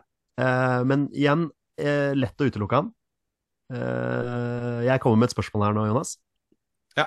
Har han vært assistenttrener for det norske herrelandslaget? Ja. Ja, men da er det, da, da er det ganske vanlig. Da kan vi, altså eh, Da stiller jeg det bare for Hvor mange spørsmål har vi igjen da? Der har jeg en seks spørsmål. Ja. Har han, har han vært sportsdirektør i Rosenborg? Ja. Ja, da, da står vi på det. Ja, altså, det, det skal godt gjøres å bomme nå, Jonas. Ja, nei, altså jeg, Skal jeg bare stille spørsmålet, da? Gjør det, gjør det. Ja, ja. Er det Stig Inge Bjørneby? Gutter? Det er Stig Inge Bjørneby. Yes! Deilig, deilig. Helt riktig, Stig Inge Bjørneby. Hvor mange landskamper har Stig Inge Bjørneby, mine herrer? 76 går jeg for, da. 76. Hva sier du, Peder? Eh, 67, bare for å stokke om på tallene der. Stig Inge Bjørneby har 75 landskamper for Norge. Oh, der er du sterk, Jonas. Nei, jeg tenkte jeg, Der var jeg bare sånn Han må jo være ganske høyt oppe, tenkte jeg. Så, men, eh, men hadde han liksom vært over 80-90, så hadde jeg, tror jeg man hadde sett han ofte på sånne adelskalendere. Nei. Men uh, yes. Husk, Ja, husker, vel, husker veldig godt det Petter han sa da Stig Inge vi er ikke ferdig når han var ferdig i start. Han har ikke trent en klubb siden Nei, I så 2007. han var ferdig. Han er, Han er sports, sportsdirektør Ja. i AGF Aarhus nå. Ja. Vet dere hvilken eh, Premier League-kjenning han signerte til AGF Aarhus? Uh, jeg holdt på å si Jemba Djemba, men det var jo ikke Han er, han Eh. er vel der han nå, men det er ikke han jeg tenker på. Men det er en veldig, veldig veldig kjent Premier League-spiller som Stig Inge Bjørneby signerte til AGF Aarhus. Er han der nå, liksom? Nei, han er der ikke nå. Han var der ikke veldig lenge heller. Men han, men han er et stort navn, liksom. Veldig stort navn. Nei, jeg, jeg måtte inn og sjekke troppen. Jeg ser ikke noen kjente Premier League-spillere her nå. Bortsett fra Bailey Peacock Farrell, da, Petter. ja, stemmer. Det har jeg fått med meg, faktisk. Ja. Nei, hvem, hvem er det vi snakker om her, eh, Jonas? Jack uh, Wilshere. Ja, det stemmer. Ja, det Stemmer det. stemmer det! Ja, ja, ja. Herregud. Det er gøy. Ja, ja, ja. Nei, um, Stig Inge Bjørneby, en av få spillere som var med i VM-troppen 94, 98 og EM 2000. Ja, ikke sant. Han var med i Ja, alle, ja. der har vi det. Ja, han, han la jo egentlig opp på landslaget etter VM 98, men ble overtalt av Nils Hansem Sem til å returnere til troppen til EM 2000. Ah. Eh, hvor han også var en 35 minutter innbytter mot Jugoslavia og starta kampen mot Slovenia. Ja, så han, han men han, i første kamp så starta han ikke. Nei, da var han på benken. Ja, Og da var det André Berdermo som spilte? Det stemmer nok da, ja. Ja, det må jo ha vært det, da. For jeg husker at den troppen der, der var liksom Overraskelsen var jo at Bjørn Otto Brakstad var i den troppen der. Jeg veit at Bjørn Otto Brakstad var i den troppen. Han hadde hatt en ganske bra sånn Champions League-sesong for, eh, for Rosenborg, hvis jeg ikke husker helt feil. Jeg lurer på ikke dette her er året Kan det ha vært det året de vant over Borussia Dortmund og litt sånn, da? I, eh, på Vestfallen? Ja, 98-99 der. Ja, jeg mener Eller 99-2000, altså Mm. og innen mesterskapsåret. Så lurer jeg på om ikke de, det var det året der Bjørn Otto Brakstad hadde en ganske bra sesong. Eh, og dermed kom inn i den troppen. Eh, for jeg, han er alltid sånn jeg spiller, Ofte spiller jeg Sporkle, for de som har vært inne på det, hvor du kan fylle ut og se hvor mange du husker av ulike tropper og sånn. Eh, så jeg, de har liksom Norge fra 95 til 2023. Og hvis du da skriver inn liksom, så duk, Og det er alltid Bjørn Otto Brakstad og Andreas Rambekk er de to jeg alltid glemmer hver Ja. eneste gang. Ikke sant? Men jeg husker, men jeg husker alltid eh, Jeg husker Morten Fevang og sånn. Han dukker opp i en, i en eh, quizen der. Og det samme gjør Petter Vågan Moen. Helt nydelig. Ehm, Jonas, dette har vært en fornøyelse. Det, vi, vi holder på alltid veldig lenge når du er her, så vi har passert to timer, tror jeg. Oi, så gøy. Kan ikke være langt unna. Petter, har du kost deg? Jeg har storkost meg. Eh, Jeg har sittet og vurdert litt om jeg skal lure inn et eh, siste spørsmål på slutten her. Ja, Kjør på. Eh, Kjør på. eh, I og med at Olai Årdal har slida inn i DM-en vår, eh, så må jeg bare ta det. Ja. Eh, Han spør er dere ferdig med å spille inn. Mats Møller Dæhlie er på vei til Molde. Favoritten deres. Får vi live-reaksjon? Oi! Er det sant? Eh, Jeg var inne på, jeg var inne på Twitter også bare for å dobbeltsjekke det, og ja, eh, Mats Møller Dæhlie er på vei til Molde. Så da må vi jo få en live-reaksjon her, til ære for Olai Årdal. Altså, hvis ikke Vi kan si at Eliteserien leverer varene de første dagene i 2020, i 2024, altså. Ja, det er en eh, fet eh, overgang i så fall, da. Eh, kult å få, få sett han i Eliteserien, selv om jeg ikke skal se så mye Eliteserien denne sesongen. Men jo da, jeg skal det. Men ja, det er jo gøy å få, å få han hjem, da. Det er jo litt artig. Det er, jeg må jo, Um, si, må jo si det da at altså, Haitem Alasami i Fredrikstad og Mats Møller Dæhlie i Molde liksom sånn, Vi pika i 2013-duoen, de to. Ja, KFUM, ja, for, for Haitam. KFM er det han som var Ikke Fredrikstad, KFM ble det selvfølgelig. Han skal jo spille med broren sin. Stemmer det. Ja, så det, det er jo også en overgang vi burde snakka litt om. Men uh, det var ikke det som var på planen i dag. I dag var det spådommer. Men, uh, men ja, det er uh, Mads Møller Dæhlie hjem. Det er, det er gøy. Helstrup og Gundersen og Dæhlie, og det, det skjer ting da i norsk fotball. Det er gøy. Han har starta så til de grader, i hvert fall. Det er ikke bare spansk fotball som leverer skandaler. Norsk fotball gjør det samme. Og med det er det på tide å avslutte dagens episode. Tusen takk til alle dere som lytter. Dere er fantastiske mennesker. Vi er våre beste menn. Heia Norge! Heia Norge! Heia Norge! Og hei!